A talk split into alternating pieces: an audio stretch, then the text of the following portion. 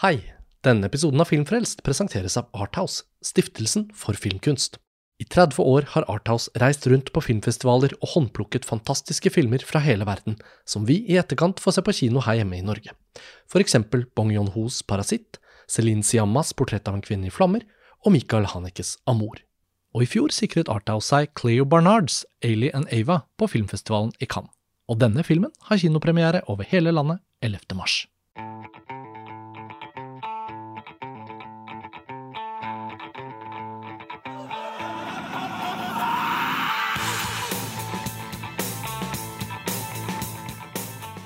Hei og velkommen til en ny episode av Filmfrelst, podkasten fra filmtidsskriftet montasj.no.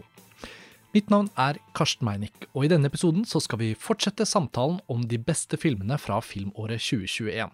Så for de av lytterne som hører denne episoden, men ikke har hørt del 1, så anbefaler vi dere å hoppe tilbake til episode 492 og høre den før dere fortsetter her. Og med det sagt så vil jeg bare sette rett tilbake til samtalen der vi slapp. Ja, og da har vi kommet til din syvendeplass, da, Roscoa. Ja, det er The Hand of God av uh, Paolo Sorrentino. Ja, filmen som hadde premiere i Venezia i fjor, og som ble distribuert direkte på Netflix. Etter et par kinovisninger, var det vel, på noen utvalgte steder i Norge eh, før jul. Ja, det er eh, kort fortalt et liksom, portrett av kunstneren som ung mann, holdt jeg på å si. Jeg tror det er ganske mye sånn selvbiografisk materiale der. Eh, som er en skildring av Napoli på 80-tallet, og først og fremst en skildring av en ung gutt og hans eh, en sommer, vel, i hans liv, hvor han finner ut at han vil bli filmskaper gjennom en rekke hendelser eh, både i og utenfor familien, hvor det på en måte både det lille livet i hans nærfamilie med foreldrene som har sine problemer, og forholdet hans til broren, og og så videre, og en del sånn dramatiske ting som også skjer der etter hvert, eh, flettes sammen med dette at Maradona blir kjøpt uh, og skal spille på laget til Napoli, som, som blir litt sånn ekstra fin dimensjon hvis man også har sett den Maradona-dokumentaren, eh, som jeg så i fjor, var det vel, eller om det var forfjor? Ja, kanskje forfjor, jeg husker ikke. Asif Kapadias film, og det er umulig å ikke tenke på den verdien man får fra den filmen inn ja. i denne filmen, fordi ankomsten av Maradona til Napoli blir jo veldig sentralt i hovedpersonens liv her i The Hand of God, og hvordan hele familien også forholder seg til det, og hele byen forholder seg til det. Ja, og i denne filmen så ser man jo bare at liksom dette tydeligvis er noe de er veldig, veldig opptatt av. Um, men i den dokumentaren så kommer det godt fram hvordan Napoli egentlig blir sett på som liksom Italias drittby, mm. og hvor viktig symbol Maradona ble da, på deres mulighet til å liksom ha noe å være stolt av, eller sånn ja. fugl føniks-myte, nærmest. Når han kom og i tillegg da klarte å liksom forandre hele Altså gjøre det til en suksesshistorie, da. I hvert fall mm. en god stund. Ja, og i hvert fall for laget. Ikke så mye for Maradona. Da, Ikke for ham personlig. så det er en sånn derre egentlig ganske sånn nedpå Uh, på mange måter realistisk skildring. Det er ikke sånn veldig flamboyant i formspråket, eller Men samtidig så syns jeg at det fins noen sånne små poetiske detaljer i filmen som likevel gjør at den skiller seg ut, og ikke bare blir en sånn liten, fin film om sommer og ungdommelighet og, og familie og oppvekst og alle de tingene der. Den har også noen andre sånne små, ja, små fine poetiske grep, syns jeg, som gjorde at jeg likte den veldig godt. Og så syns jeg at uh, hovedpersonen, som jeg ikke har navnet på, skuespilleren, var bare veldig, veldig karismatisk. Mm.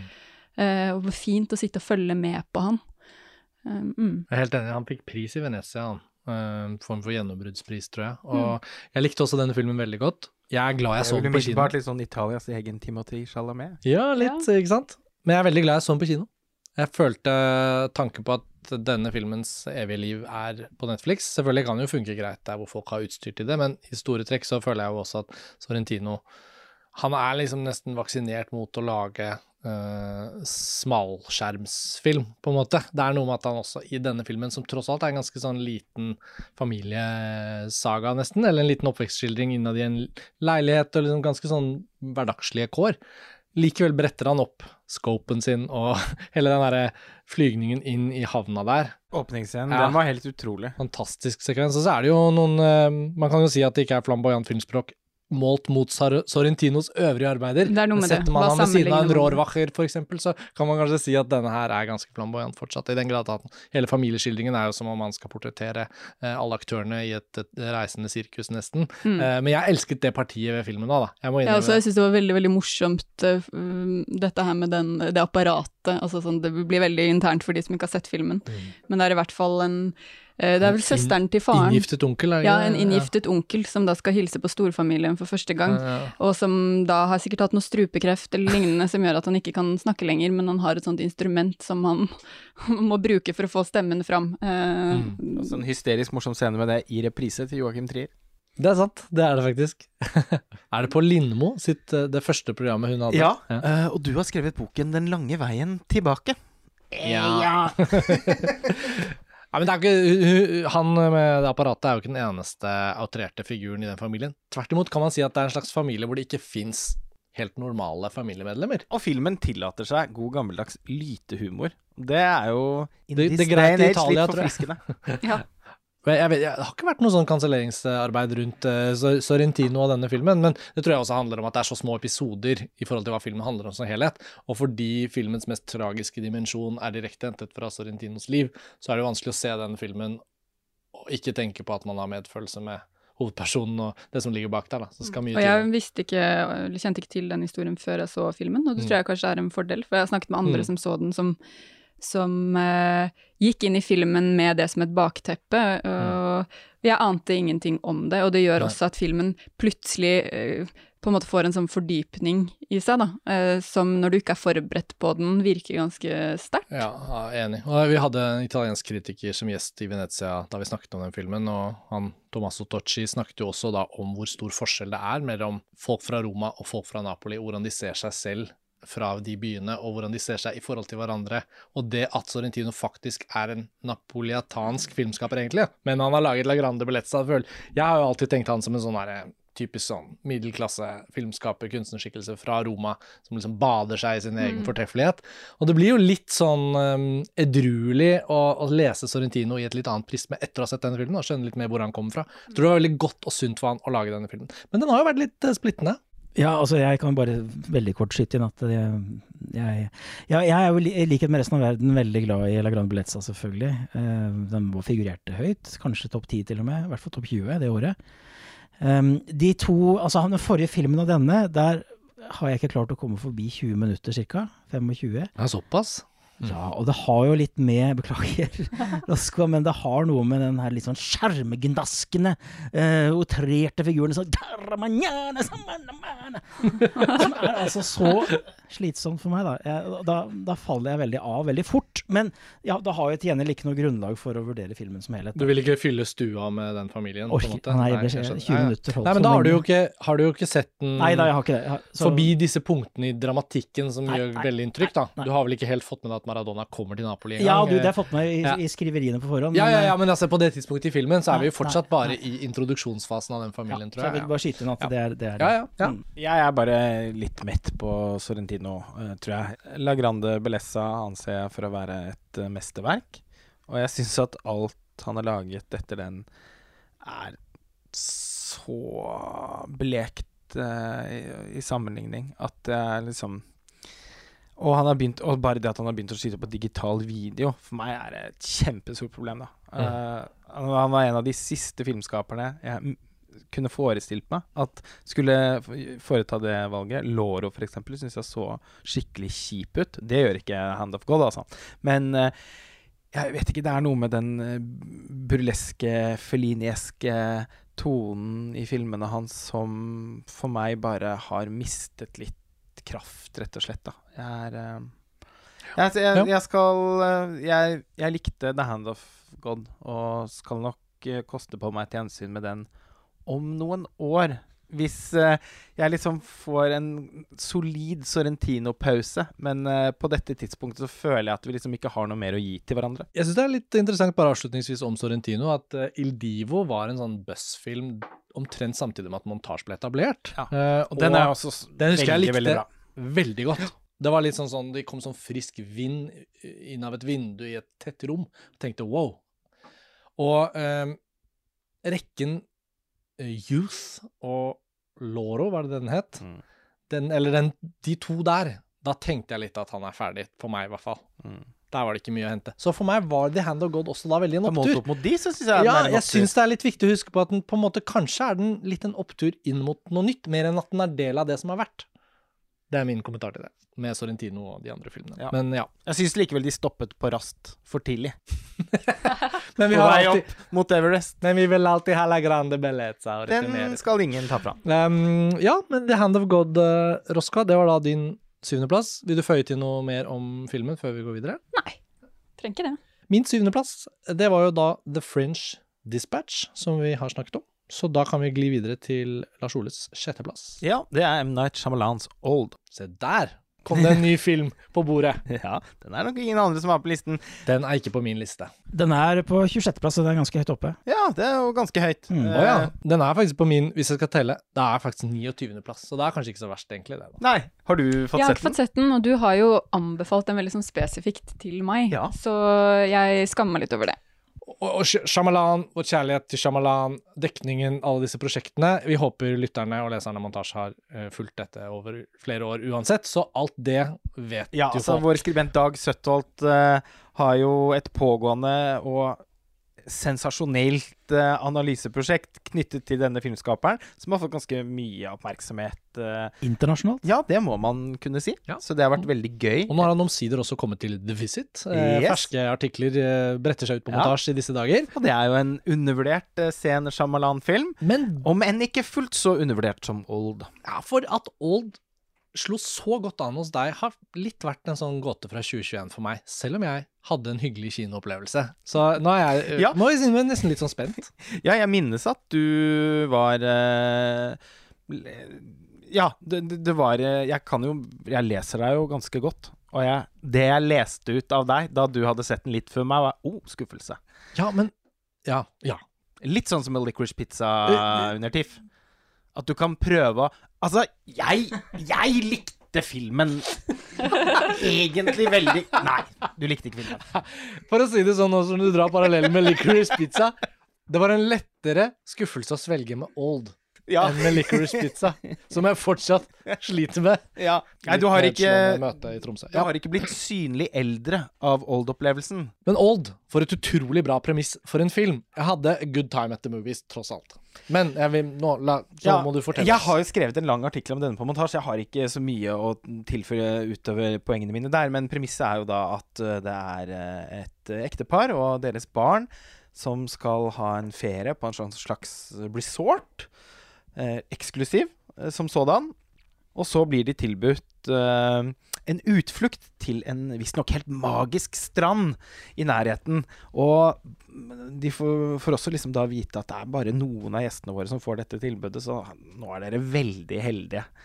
Og sammen med eh, ja, noen andre så så bringes de til denne helt fantastisk vakre tropiske stranden. Og ganske raskt så begynner de å skjønne at det er noe galt ved dette stedet. Fordi i voldsomt høy hastighet eldes alle i kohorten. Og da begynner filmen å ligne en, eh, et slags realityshow. Der eh, deltakerne er nødt til å både eh, ta hensyn til egne behov og beskytte seg selv, men også eh, forsøke å styrke fellesskapet for at de skal komme seg gjennom denne situasjonen, som jo virker helt uh, umulig. altså, eh, etter hvert som eh, de eldste i kohorten begynner å falle fra, og utvikler demens og farlige sykdommer osv. Eh, mens de barna som leker i sanden, blir tenåringer så, før man vet ordet av det. Det at alle rollefigurene hele tiden er liksom nødt til å handle med to tanker i hodet på en gang, i det som da tross alt er en helt absurd og skrekkfilmlignende situasjon, det syns jeg ikke bare hadde veldig stor underholdningsverdi, men jeg kjente på sånn, noen dype angstfølelser da, i meg selv. Uh, den hadde litt samme effekt på meg som Georgios Lantimos' 'The Killing of a Sacred Deer'. Uh, at, at, at jeg satt og kjente på liksom min egen frykt for tid. Eh, hvordan kroppen utvikler seg, hvordan eh, det skjer ting i menneskets liksom natur som ikke lar seg påvirke eller stanse. Eh, den avmaktsfølelsen som eh, man ofte kan kjenne på i liksom eh, Litt sånn på samme måte som man gjerne ikke bør begynne å tenke på liksom hvor stort universet er. Eller eh, hva slags sammenhenger der ute som du i så liten grad har tilgang på at det eh, utelukkende skaper en uro hvis man begynner å gå inn i det. Litt sånn kan jeg også ha det med de vanligste ting i en livssyklus. Og jeg syns det er så spennende med denne filmen her at den som horror, for det er, jo, det er den jo virkelig, tar utgangspunkt i noen av de vanligste hendelsene i våre liv. Altså, skrekken i filmen er ting som uansett kommer til å skje. Mm. Med alle. Mm. Apropos den samtalen vi hadde i stad, om at eh, døden f.eks. da er noe som inntreffer. Eh, sykdom, eh, mennesker som er nær deg som faller fra. Det er noe alle skal erfare. Og det å lage et slags reality-konsept med det som utgangspunkt innenfor rammene av en sjangerfilm, en skrekkfilm, det syns jeg er eh, litt sublimt, altså. Og det knytter jo også an til det du sa om bodyhorror tidligere. På mange måter så kan man si at den Masse bodyhorror i old. Ja, liksom, den snur i hvert fall på den flisa og sier en bodyhorror kan også være en kroppsnedbrytning satt opp i full speed. Uh, eh, Eh, Sekvenser hvor de er nødt til å skjære ut uh, altså en svulst på et tidspunkt. som vokser så fort at den Ja? Det er kanskje ikke Ja, det er akkurat de bitene er kanskje ikke min favoritt fra Fy filmen. fader, så Men- uhyggelig. Men det som Ja, det var uh, ulekkert, som det heter på dansk. Uh, Det er, jeg syns det er en genuint kvalmende film. Jeg er litt overrasket over at mange liksom, At ikke flere har hatt sterke reaksjoner i møte med den filmen. Jeg var helt sånn ja. Men man må kjøpe det, ikke sant?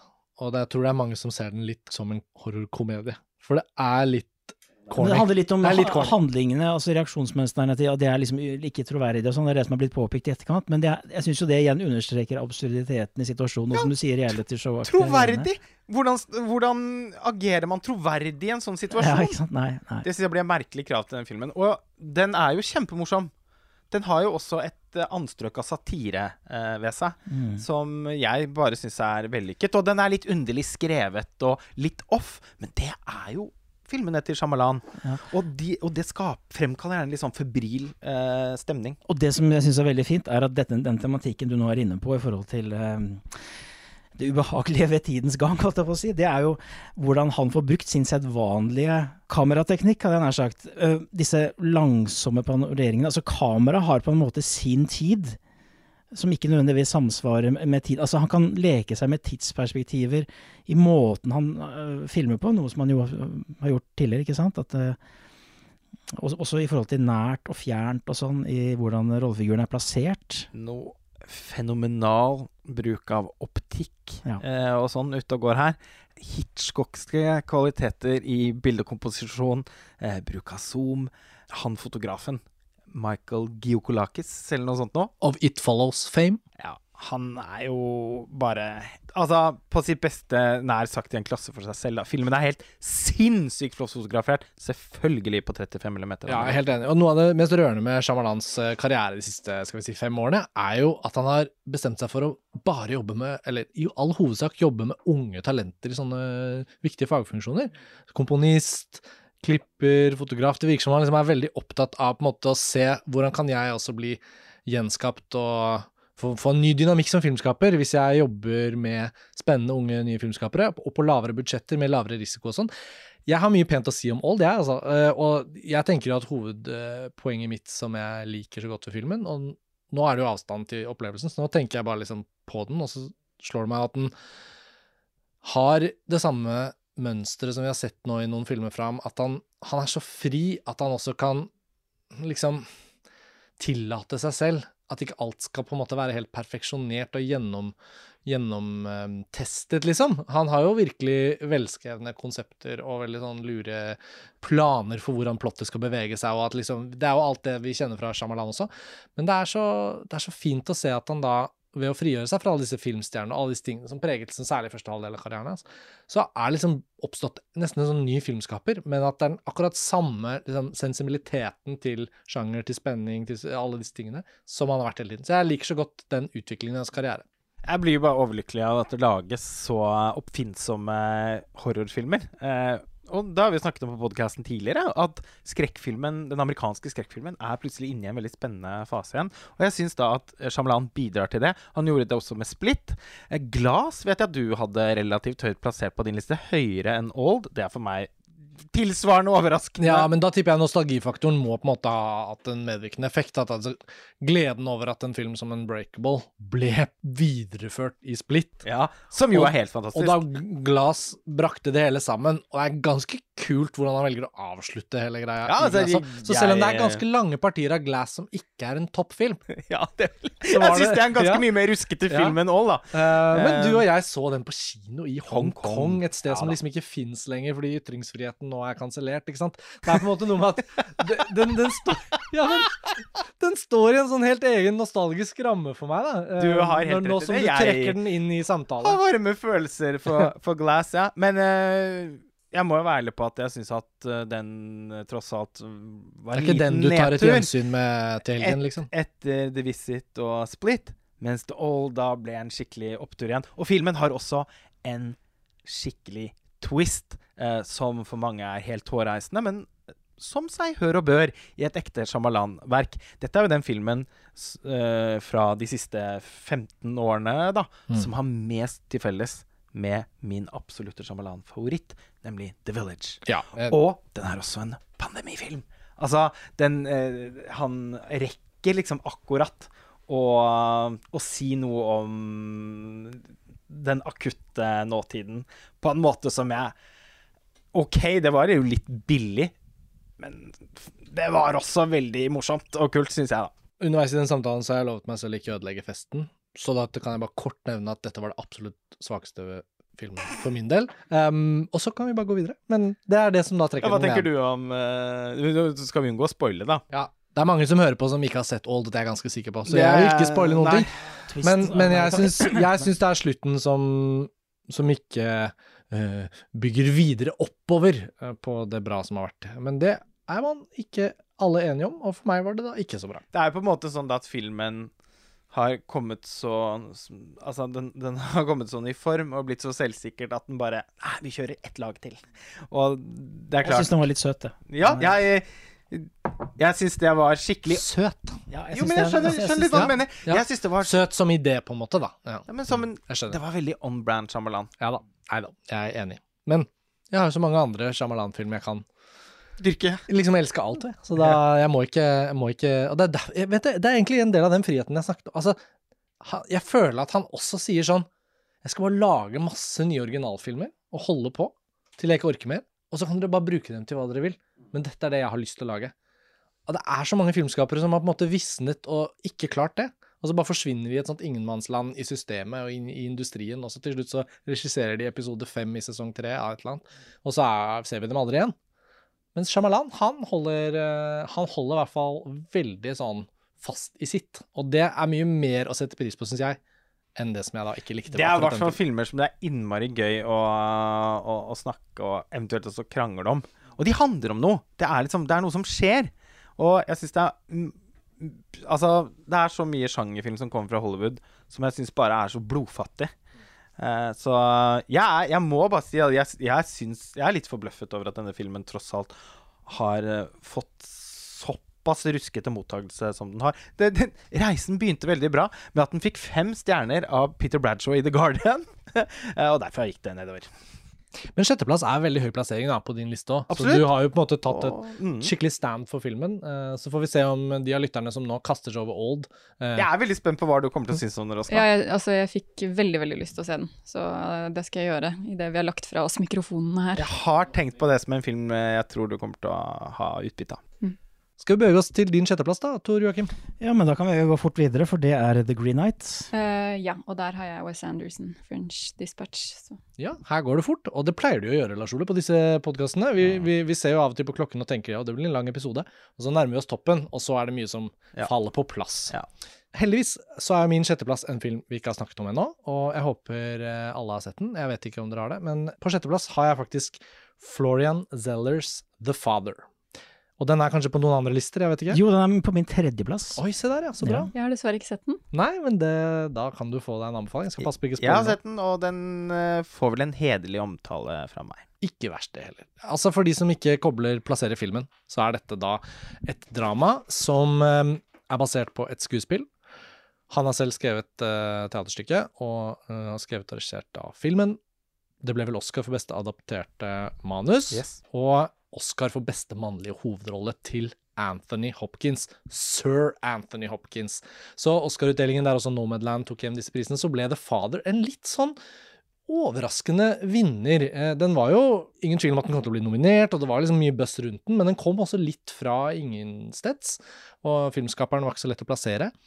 Og da var det jo i all hovedsak nedstengte kinoer eh, rundt omkring før og etter Oscar-utdelingen eh, i 2021, så det ble en pressevisning av The Father som jeg gikk og så, og jeg visste egentlig veldig lite om filmen. Og desto mer jeg har tenkt på den, på tross at den portretterer et menneske med demens, så på mange måter skal man si at det jeg ikke husker av filmen, er litt i takt med filmen nå. Eh, og jeg har ikke hatt et gjensyn med den, men den har på en måte vokst sånn i det stille. I all hovedsak på grunn av hvor vellykket den anvender filmspråklige grep, og særlig klipping. Eh, og jeg føler jeg alltid må ha med et lite sånn hjertebarn fra liksom det fagfeltets verden. Det er ikke derfor den er på sjetteplass, men det hjelper og blir veldig inspirerende for meg å tenke på at filmen i all sin sikkert naturlige liksom, identitet som teaterstykke først, likevel føles ekstremt filmatisk. Jeg kan nesten ikke se for meg hvordan denne filmen funker like bra på teater, denne fortellingen, da. Um, fordi nettopp elliptiske grep, bytting av skuespillere, hvordan virkeligheten trekkes vekk fra under føttene til hovedpersonen, i ulik grad eh, skildres med filmspråklige grep, sånn at Anthony Hopkins, som gjør en helt fantastisk eh, bra rolleprestasjon, nettopp kan liksom eksistere på sånn plan vi ikke klarer helt å, å, å feste til noe, vi heller. Og dermed blir vi liksom tatt med inn i hans opplevelse og fortvilelse over å gli inn og ut av demens. Og etter hvert blir han jo enda mer eh, hva skal vi si, ødelagt av sykdommen, selvfølgelig, for det er jo en nådeløs sykdom. Så ja, som film så syns jeg denne sto seg veldig sterkt. Og så skal man si at det er jo en typisk sånn voksenfilm på kinoklubb, kinoklubben 50% og Anthony Hopkins og Jeg er jo ikke helt i målgruppen, egentlig, men likevel. Jeg syns ansiktsuttrykkene til Lars Ole og Tor Joakim med det du la ut, tydet på at de kanskje tenkte på dette litt som en voksenfilm. Jo, men det er det, og jeg skulle nesten Nei, jeg elsker den jo. Ja, jeg skulle ah, ja. lande på Ja, det. det var som- tredjeplassen. Tror Joakim har den på tredjeplass, men Jo. du leste nok mitt ansikt riktig. For, jeg, for det var nettopp sånn Å, nå har du blitt gammel, Karsten. Dette var et voksent valg. Altså, jeg ble ti år eldre da jeg så Amor den gangen òg, så jeg på en måte tenker at uh... Men ikke old. Ser du? Så da var det noe Shyamalan ikke fikk til. Nei, men altså, Nei, men jeg- tredjeplass, ja, du har den enda ja, høyere altså, enn jeg har den enda høyere. Var derfor jeg, liksom, jeg nikket for anerkjennende i forhold til det han sa. For jeg kjente meg veldig igjen i det. Nå er jo jeg litt gammel, men det er ikke så farlig. Um, Nå har vi snakket om kroppens nedbrytning Ja, ja, ja, ja, og- ja. Og, og livet som en reise, og alle skal dø til Ja, slutt ja, og sånn. Dette har jo også blitt en årslistepodkast i, i, i tråd med pandemiens uh, alvor, da. Så uh, jeg er helt med på at det er litt latterlig å like en film som er så for de eldre, på en måte, og om de eldre, som dette. Men det, kanskje jeg er på vei til å bli eldre, jeg vet. Ja, altså sånn tematisk sett så er det jo sånn der eh, pensjonistfilm, kanskje det ser sånn ut. Men hvis man først ser den, så syns jeg den har noe mer liv i seg enn det, da. Ja, Det er, jo, det er jo to ting ved denne filmen, og og det er, noe av det speiler det Karsten sier, som jeg synes jeg må ha lyst til å trekke frem. Det første er jo selvfølgelig Anthony Hopkins, som alltid har vært min nummer to-skuespiller etter, Etter Jack Nicholson. etter Jack Nicholson. Eh, men du kan si de siste årene så har han tatt en del litt sånne pregløse sjangerfilmer, så jeg har alltid liksom lurt på har han det fremdeles i seg å være kunstnerisk ambisiøs igjen. Og det, det demonstrerer han virkelig her. Og hans spillestil er jo fra før av litt sånn distré og søkende og. Ikke sånn pass, passer veldig bra til en som, som sliter med demens, da. Så han er jo selvfølgelig enestående, og veldig veldig nydelig for meg å se at han fremdeles har det her eh, Remains of the Day-aktige kvaliteten i seg. ikke sant? si Tror du meg, jeg tenkte på deg eh, med Ja. den visningen, Joakim, at det må ha vært stort. Det var stort, men så syns jeg også det var stort eh, dette her med iscenesettelsen, for jeg er jo som sagt veldig glad i ting som utspiller seg innenfor lukkede rom og fire vegger og sånn. Eh, og i fjor så var det en, eh, en grøsser som kom høyt opp på min liste, med tiendeplassen. Uh, Relic. Relic, ja. Det husker jeg. Natalia Ja. Erika Og en James. demensfilm, det også. Uff, så skuffende å måtte si at jeg husker jeg tenkte da ja, den skal jeg se. Og nå sitter vi her et år senere. Ja. Jeg har ikke sett den ennå. Men det er jo Og, men den ser handler for skummel jo ut. om, den det handler jo om en tematikk som du nå er så engasjert i. Ja.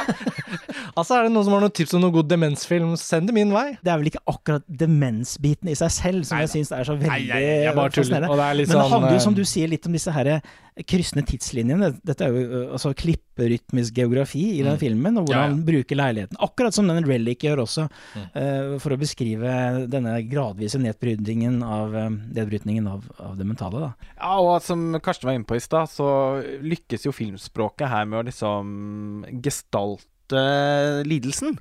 Det var jeg veldig imponert over. da, Apropos det at eh, For det er også ganske tydelig at det er basert på et teaterstykke med dører som smeller opp og igjen, og nesten litt sånn eh, farseaktige Det eneste som mangler, er dreiescenen under gulvet, på en måte. Ja, eh, og, Jeg ser den.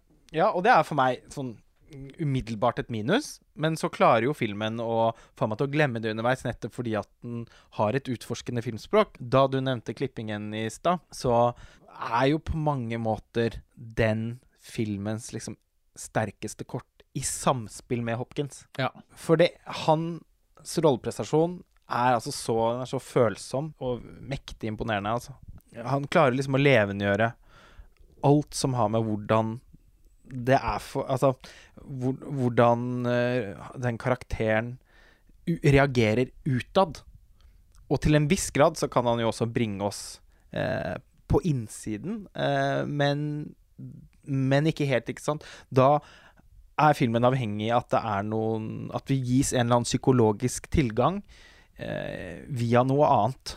Og det er veldig smart løst, da, rett og slett, med at kamerabevegelsene og klippingen gjør det. det, det, det du får jo følelsen av å nesten være på en fornøyelsespark og ta en sånn demensattraksjon. Så- Jo, men jeg vet at det er spøkefullt ment, men det er jo sant. Den utelater så mye informasjon at du selv blir Ja, men du-. Ja, men du ender jo med å labbe rundt i den leiligheten sammen med Anthony Hopkins. Altså, han blir som en avatar.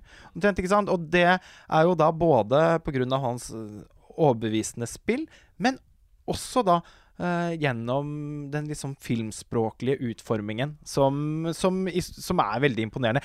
Eneste årsaken til at det er en film jeg ikke da liksom eh, vurderer enda høyere, eller i alle fall som ikke i enda større grad er en slags personlig favoritt, er liksom at at jeg var ganske ferdig med filmen da den var over. Altså, den, den, den opplevdes som på en måte veldig fullendt, men kanskje på en måte som ikke trigger en sånn slags dyp filmkjærlighet Altså, hos meg. nei, du kan si Gjensynsbehovet og alt sånt er kanskje ikke det største i forhold til den.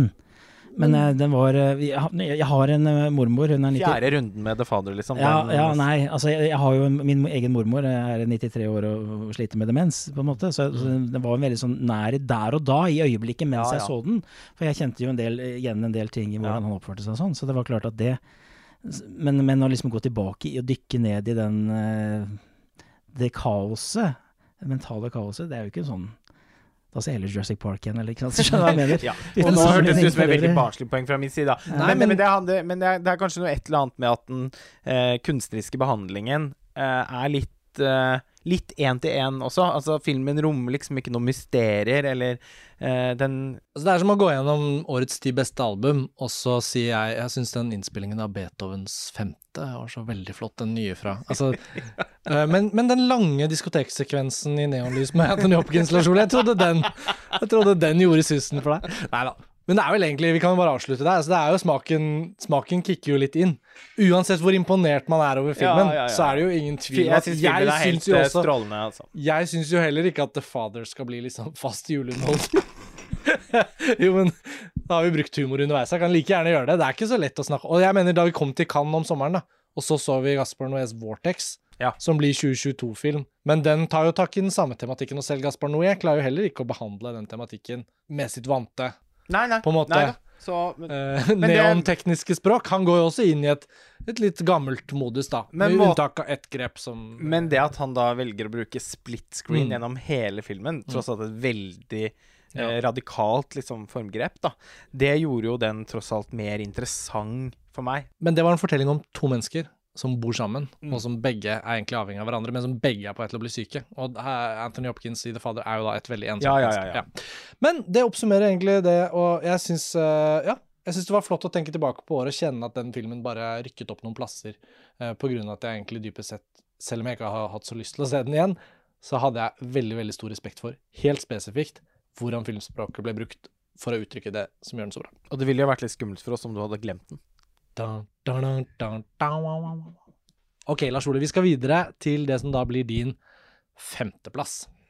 Ja, og her finner vi eh, to filmer som hadde premiere rett på strømming tidlig i 2021.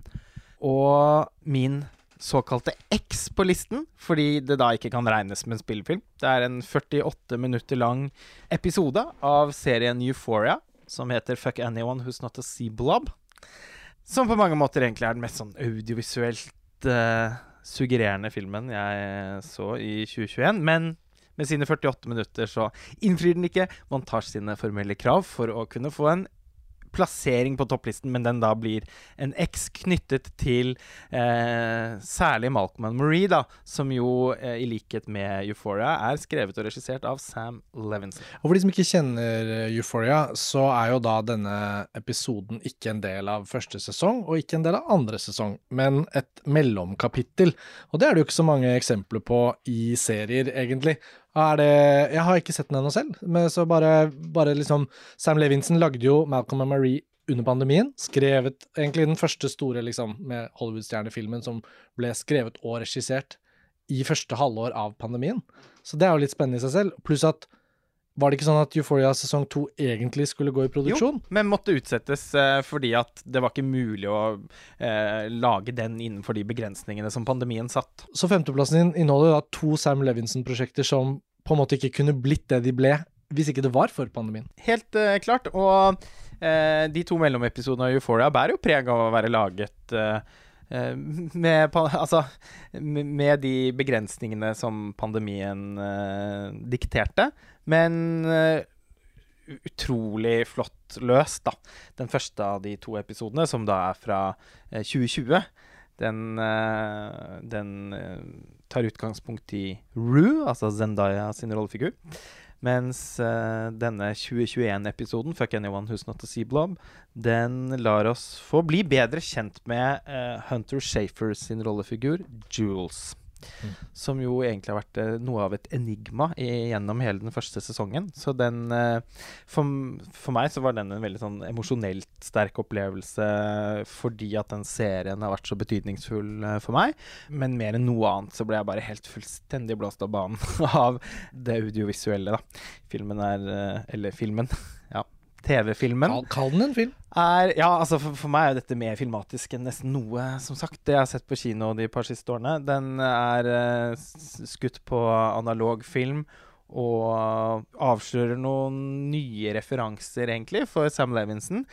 Jeg syns jo det er veldig tøft med Euphoria at man så enkelt kan identifisere eh, referansene hans. De er jo da veldig tett opp mot min smak, så for meg så føles det jo som et sånt mirakel at denne personen fins. og, og på en måte lykkes med å samle noen av mine besettelser i ett uttrykk. På en måte som ikke fremstår uh, tvungent eller uh, platt. En mesterkokk som lager mat bare til deg, og bare alt du liker. Ja, Hele tiden. ja, men det er akkurat sånn det føles. Uh, og, og nå er jeg jo helt helt klin kokos om dagen. For vi som kjenner deg, vet jo at sesong to har begynt å ramme livet ditt. Ja, med en voldsom kraft. Altså, jeg har jo nå rukket å se den første episoden fire ganger. Det er egentlig bare utrolig at du er her i det hele tatt. Eh, takk, takk for at du tok deg tid til årslistepodkasten. Nei, men, Men- altså, så, kort, men- kort bare, altså, er det noen av dere andre som har sett denne mellomepisoden? For jeg har ikke. Ja, jeg har sett den, eh, og jeg likte den godt, men det var nok den som kom i 2020, som jeg ikke husker hva heter, men som handler om Rue, som grep meg aller mest, sånn helt uten tvil. Altså, den er jo audiovisuelt overhodet ikke like eksperimenterende eller eh, voldsom. Den er ganske sånn nedpå. Foregår primært på en diner, egentlig, hvor Rue sitter og snakker med sponsoren sin fra. Eh, men bare så vanvittig godt skrevet. Eh, og jeg likte jo Euphoria første sesongen veldig godt, men det løfta seg for min del til et sånn ganske annet nivå med denne mellomfilmen, episoden. Eh, så den sitter igjen liksom virkelig for meg som det der store, den store opplevelsen. Og så har jeg sett denne som du refererer til også, som jeg husker jeg syntes var fin og sånn, men som ikke berørte meg på den samme måten. da.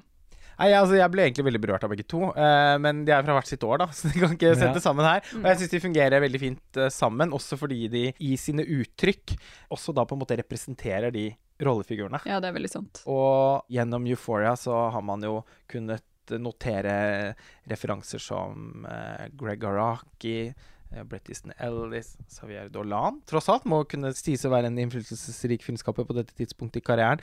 Brian De Palma, Martin Scorsese. og har det blitt sterkere inn i sesong to òg, kan man kanskje si? Alt dette er skrudd opp enda mer, ja. Men Og David Lynch, eh, åpenbart. Men her så satt jeg og måpet eh, etter bare et par minutter og følte «Hå! Terence Malick. og så etter hvert Krzysztof Kieslowski. Og så smeller Preisner inn på lydsporet der. Og da tenkte jeg da Jeg var ikke helt ute eh, å sykle her. Men uh, nå blir jo dette en, eh, til og med til å være meg en sånn usedvanlig referansespekket uh, og omstendelig vei til de andre filmene, som jeg også da skal si noe om. Um, Malcolm and Marie er jo da, som du sa, Karsten, en tydelig liksom pandemiproduksjon. To skuespillere, én setting, eller location, som da er et utrolig lekkert designet uh, villa, uh, sannsynligvis uh, ja, på Mulholland eller et eller annet sted i Los Angeles, i hvert fall. Og utgangspunktet er at en regissør, spilt av John David Washington, har hatt premiere på en film som ser ut til å bli hans store gjennombrudd, fordi responsen har umiddelbart vært veldig god. Og filmen uh, handler da om en rollefigur som har slitt med et rusproblem. Og uh, hans uh, samboer var da også til stede under den premieren, men ble ikke takket i hans tale. Og det igangsetter da en konflikt som varer gjennom hele natten, og som etter hvert eh, begynner å handle om veldig mange forskjellige ting. Men eh, det fremkommer jo da ganske tidlig at den historien han har fortalt, tross alt er basert på hennes erfaringer. Og eh, at hun opplever det som så dypt sårende, da. At han kunne få seg til å ikke si noe om det eh, når, da han skulle liksom presentere eller holde en takketale eller jeg vet ikke hva, for, eh, i forbindelse med eh, premierevisningen. Så begynner han å dekonstruere hennes historie litt, fordi han hevder jo da at hun også tillegger Altså han, han, han blir jo da etter hvert litt opptatt av å si at jeg har jo hatt et ganske langt liv, jeg har andre erfaringer eh, forut for deg. Jeg har også kjent andre mennesker som har vært veldig viktige for de og de og de elementene i fortellingen. Og så utvikler dette her seg til en slags eh, Who's Afraid of Virginia Woolf-aktig seanse. Som eh, da særlig diskuterer det å ta eierskap til andres historier, som har vært veldig omdiskutert mm. de siste årene. Så som et problem i, i Hollywood. Og i litteraturen. Norsk litteratur, f.eks. for eksempel. Men filmen tar ikke noen side i den saken.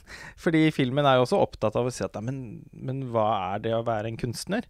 Det å være en historieforteller hvis man er nødt til å suge alt fra sitt eget bryst for å ikke bli, bli anklaget for å ikke være autentisk, eller for å ja, annektere eh, andres eh, erfaringer, eh, livshistorier.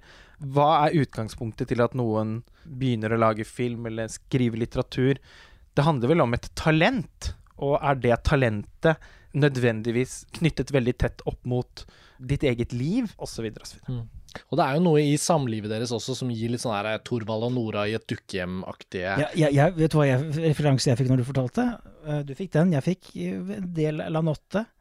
Eh, Til Antonioni. Eh, Han er jo også forfatter ikke sant, i det forholdet. mm. Eh, og hvordan du beskriver eh, den dynamikken mellom de to. Ja, sånn Jo, jo, men absolutt. Og, og jeg, jeg tror liksom at er det noe Malcolm og Marie i hvert fall viser oss, eh, så er det jo at det utvider også bildet av hvem Sam Levinson er som filmskaper, og hvem han er. Det er åpenbart at filmen er ment å være Euphoria, da.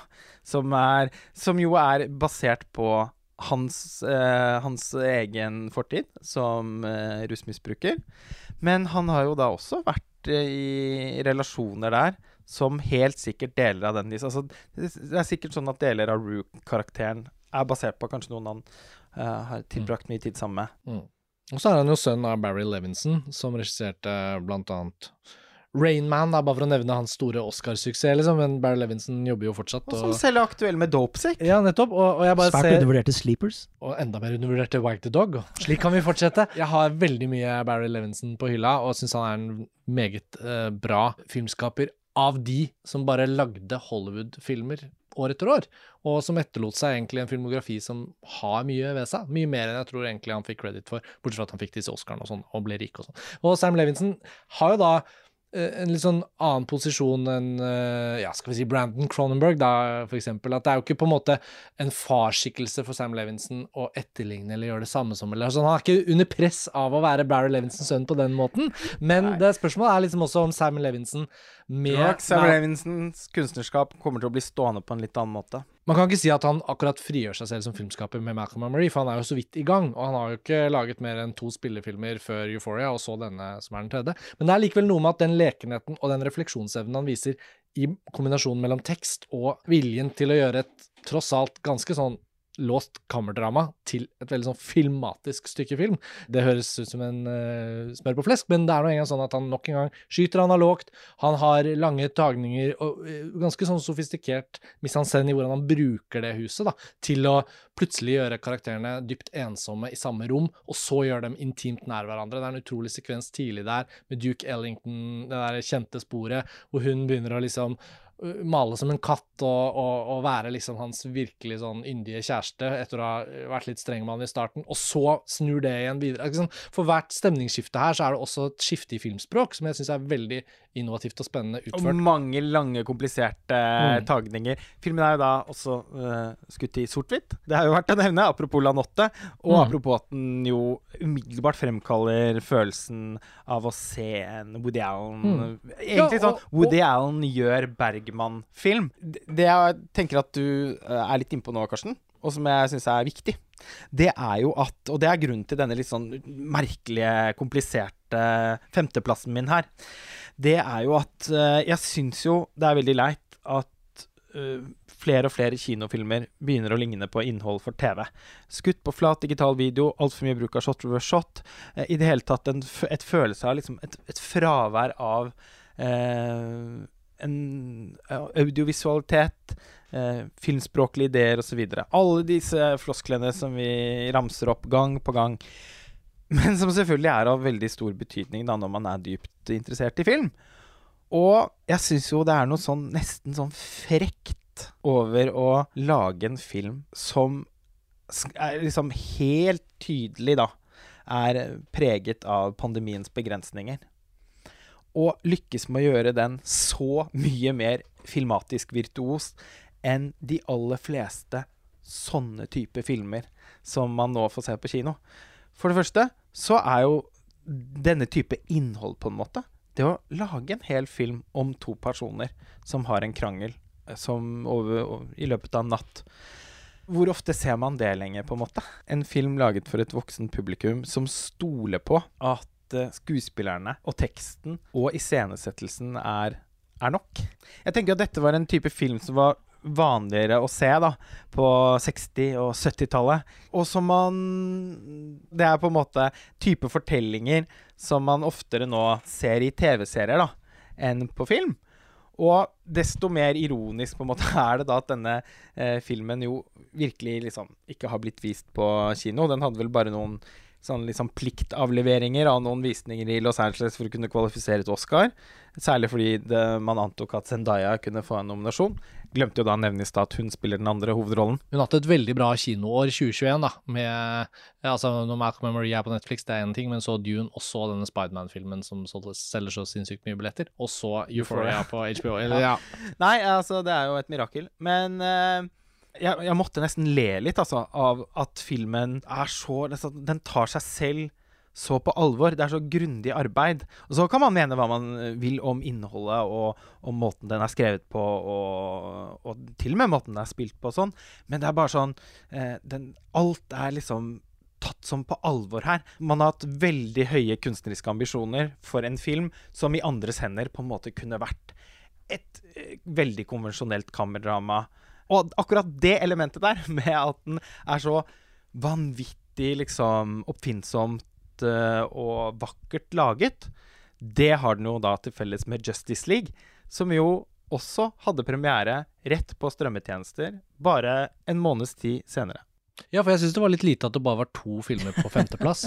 det er tre filmer på femteplass. Nei, men den ene er jo da en X, ikke sant? Fordi ja, den ikke kvalifiserer. Ja, sånn så, det er Malcolm og Marie og Zack Snyders Justice League. Jeg prøver liksom her på en fryktelig tungvint måte å konstruere et slags narrativ om at noe av det mest spennende som skjedde innenfor filmkunsten i 2021, fant sted online ja. på, på strømmetjenester. Men du får poenget veldig godt fram, Lars Ole. Og, og jeg, har jeg, Malcolm, jeg har Malcolm and Marie på en 16.-plass, og det er egentlig en plassering som jeg som oftest egentlig bare må lande på. Altså det, jeg syns jo egentlig alt på topp 20 er selvfølgelig veldig bra. Og så er det litt sånn Hva er liksom helt der oppe i topp 10? Og jeg har ikke så mye negativt å si om denne filmen, så det er ikke noen grunn til at den skulle vurderes som svakere enn andre ting. Men jeg tror kanskje at noe av det som gjorde at den ikke ble helt der oppe i toppsjiktet for meg, egentlig var det der. Og jeg tok et gjensyn med den da senest i går, for å bare få gjenoppfriske litt. For det er jo nesten et helt år siden jeg så den første gang, og foreløpig eneste gang. Ja, men, altså nettopp sett den igjen, da. Ja, og gjensynet ga altså liksom litt sånn boost til, til på en måte teksten. Altså liksom selve liksom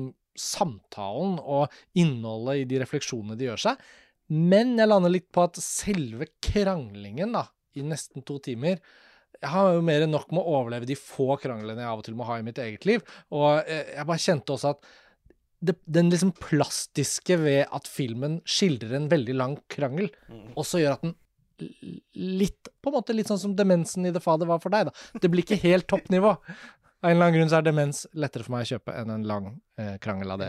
Men, men, ja. Nei, jeg liker jo på en måte øh, premisset veldig godt. Jeg kan godt like en lang krangel òg. Eh, men Eh, men eh, denne filmen havner ikke sånn øverst hos meg, og det tror jeg handler om at jeg føler at det er litt for mye her som blir på liksom. Eh, jeg, det er et eller annet som skurrer for meg med Zendaya i den rollen. Jeg syns hun har en veldig barneenergi i vesenet sitt som jeg ikke Som på en måte gjør det spennende at hun her spiller en mer sånn kvinneaktig rolle, men det gjør også at jeg ikke helt tror på det. Og så syns jeg det er noe lignende som skjer i teksten. At den litt for mye vil være en ikke en kronikk, men den vil litt for mye liksom skildre noen polariteter i samfunnsdiskursen. Og jeg kan godt like filmer der mennesker faktisk har polemiske diskusjoner med hverandre, fordi det skjer jo i virkeligheten òg. Jeg er ikke med på at liksom, det ikke skal være en del av den kunstneriske eh, behandlingen. Liksom. Det må jo også ha sin plass. Men det er et eller annet med måten det er skrevet på her, som, hvor det føles akkurat hakket litt for utstudert til at jeg tror på at det er disse menneskene som sier det til hverandre. Og så syns jeg det også er noe litt på liksom med det visuelle uttrykket. At uh, ja, det er virtuost, og det er mm, altså, kjempeflott scenografi, veldig flott foto og sånn, men, men, det føles også litt som Litt for selvbevisst der òg, da. Så det er et eller annet i mange ledd her som gjør at det blir liksom en film som litt for mye vil være en veldig velskrevet, velspilt, vakker film, og så føles det ikke eh, helt sånn autentisk på en eller annen måte, da. Og så syns jeg, uten at jeg har sett noe han har laget tidligere, jeg har bare sett Euphoria og denne, men jeg syns generelt kanskje inntrykket mitt er i hvert fall at han skriver bedre for veldig unge, eller så, sånn unge karakterer, da. Selv om disse personene også er unge, så er de i mye større grad liksom en del av et voksenliv. Og jeg kjenner at det er noe der som ikke helt sitter. Jeg tror ikke helt på det, rett og slett. Jeg har ikke noe problem med å forstå eh, hva du eh, mener, og det er definitivt noe litt sånn konstruert eh, ved filmen som kunne vært et problem for meg, var det ikke for at jeg i det store og det hele opplever den mest som en film om film. Altså, det at filmen er et saksinnlegg, er for meg positivt i dette tilfellet. Fordi filmen er jo da eh, Altså, jeg opplever den som litt rasende. Altså, det har kokt over her for Sam Levinson. Han opplever at eh, de amerikanske kritikerne er i ferd med å bli så ideologisk orienterte og så uinteressert i filmskaping eh, og film som kunstuttrykk, estet, den estetiske dimensjonen ved film, at han lager da en film som i utgangspunktet kunne vært et kammerspill for TV, som var det en Antonioni eller eh, Altså som var det en modernistisk 60-tallsfilm i uttrykket. Uh, og som uh, du sier at det er noe litt sånn nesten påklistret eller falskt over hvor vakker den er, så, eh, så tenker jeg at ja vel, men, men altså, en gang så jo filmer så fantastiske ut. Det er jo noe med at jeg tenker at Nå blir det en sånn begivenhet at en sånn type film er eh, fotografert og iscenesatt på den måten. Men en eller annen gang var det jo ikke det. Selvfølgelig Forskjellen da var jo at mm, altså for eksempel da man filmet i svart-hvitt, så var det noe som var vanlig å gjøre. Og så, så det blir jo noe med at det, det er veldig mye her som blir ganske sånn anakronistisk på en eller annen måte, Yes. da. Som tilfører en annen dimensjon. Og jeg føler at det er litt, sånn, litt selvbevisst, da. Og en del av eh, filmens eh, nesten på et tidspunkt litt sånn tungetale. Da, og da føler jeg jo virkelig at uh, han, hovedpersonen blir eh, regissør Sam- Sam, Levinson selv, som uh, ser kritikerne sine inn i øynene og f.eks. ikke sant problematiserer uh, det å være Han er jo da farget. John David Washington. Og det er nok enkelte fargede filmskapere som etter hvert opplever at de nesten ikke liksom kan lage noe uten at det blir lest inn i en aktuell politisk diskurs. Jeg syns jo alt dette som diskuteres er interessant, og at det, skrives godt fram i filmen. Jeg tror jeg bare Jeg er ikke helt med på det premisset om at dette skal foregå i et parforhold. Nei. Altså sånn, Det er noe der, da. Eh, Jeg liker tanken, men Ja. jeg syns ikke det er gestalta på en helt overbevisende måte, da. Nei, og det er klart at det, det er noe Man får følelsen av en sånn Deus ex machina her. At det står en regissør og liksom bare henger over rommene som ikke har tak. Og flytter rundt på rollefigurene sine for å igangsette en debatt som jo filmen tross alt ikke har lyktes med. Den har ikke det. Den, har egentlig Ja, det har blitt sånn lite, sånn bitte lite vakuum den sitter og bor i inne på Netflix der, og de som velger å lete den fram, eh, de finner den. Men Og den den- faller nok veldig mellom to stoler. altså For de som har lyst på et sånt relasjonsdrama, så tipper jeg at de lange partiene hvor han gyver løs på filmkritikerne i Woke Wire og Los Angeles Times, blir for innforstått og uengasjerende. Og for de som eh, er interessert i en polemisk eh, film som på en måte går eh, som, som forholder seg kritisk til den kulturelle diskursen i Hollywood anno 2021, opplever kanskje at filmen da ikke går dypt nok eller nyansert nok inn i det. Ja, for jeg syns det er litt interessant eh, hvordan vi ofte på montasje, når vi har sånne her type samtaler om film, ikke liker filmer som er veldig eksplisitt politiske. Altså, de kan gjerne være politiske, men vi liker ikke når de er enspora på den måten at de vil si noe spesifikt. De vil fremme et spesifikt standpunkt på bekostning av noe annet. Da. Og jeg føler at det det er kanskje noe jeg ikke liker så godt ved denne filmen heller, selv om kanskje et standpunktet som fremmes ligner mer på, er mer beslektet med mitt eget enn i en del andre filmer, så opplever jeg det nettopp som for flatt, da.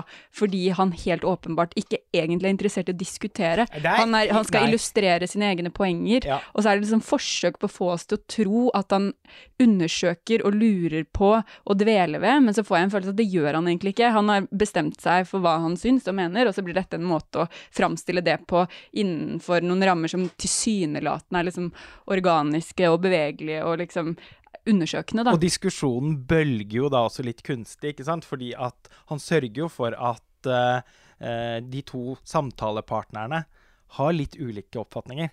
Og han blir jo utfordret når han kommer med sine monologer om, eh, om, eh, om de amerikanske filmkritikerne osv. Men eh, som du beskriver der, Roskva, så man, sitter man igjen med en ganske tydelig følelse av, av, hva Levinson mener å, si med filmen. Men jeg deler jo en del av de frustrasjonene. Så sånn, i så måte så blir det også litt sånn at jeg føler at filmen snakker til meg, og jeg tenker sånn Ja, ja, ja! Nei! Vi kan ikke Altså Og eh, Jeg føler definitivt at filmen snakker til deg. og den gjør da det også med humor, syns jeg, da. Mm. Jeg syns det er mange verbale pingponger i den filmen som er ordentlig morsomme. Mm. Og jeg syns bare det å se to smarte, velartikulerte mennesker liksom hold, ha sånn benkrok med hverandre, er eh, appellerende. Mm. Altså den andre filmen, eller egentlig tredje, da, eh, på denne underlige eh, delte femteplassen, det er altså Zack Snyders Justice League. Den vet jeg at også du har på din liste, Tor Joakim, Ja. så den kan vi komme tilbake til eh, Yes, i den forbindelse. Ja. Da er det din eh, femteplass, da, Tor Joakim.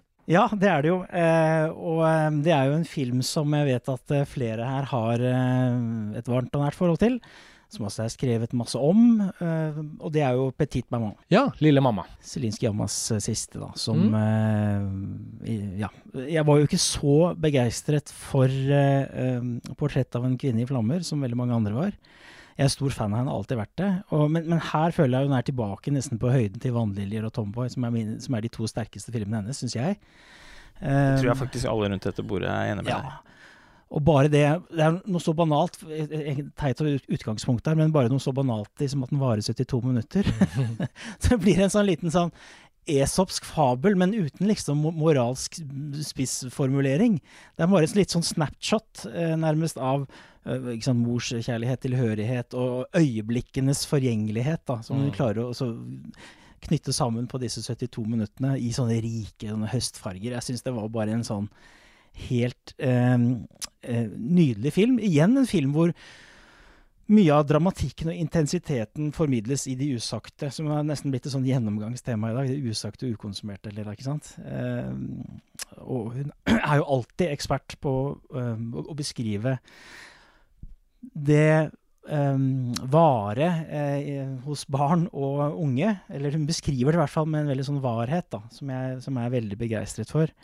Og dermed blir det jo da slik at når, da, når en, en form for forsoning først inntreffer i et, nettopp i det landskapet jeg beskrev nå, med liksom det usagte, så treffer den ekstra sterkt, ikke sant. Eh, så det, dette er liksom uten tvil, synes jeg, årets mest rørende film, da, i den grad det er en egen sånn underkategori. Ja, Ja, men det er det jo definitivt. Det var heller ingen film som beveget meg mer i 2021 emosjonelt enn Lille mamma. Mm. Du og jeg, Karsten, har jo gjennomført hele to podkaster om filmen, og jeg føler ikke Det er et testament til den filmens eh, Ja, vår vilje til å gå inn Ja. i den filmen gang på gang. Men det er klart at med to podkaster så har vi på en måte satt en slags rekord på antall ganger man går inn i en film. Så for oss to sin del så er det nok ikke så mye mer som gjenstår å bli sagt. Nei, det var en virkelig, virkelig god film. Ja, helt uh, fortryllende. Jeg tenker vi skal ta enda en liten runde med den mot slutten av episoden. Um, Og jeg beklager hvis den var høyere på noen Nei, nei, nei, altså. det er ikke noe å beklage. Jeg er veldig glad du fikk uh, snakke litt om den nå.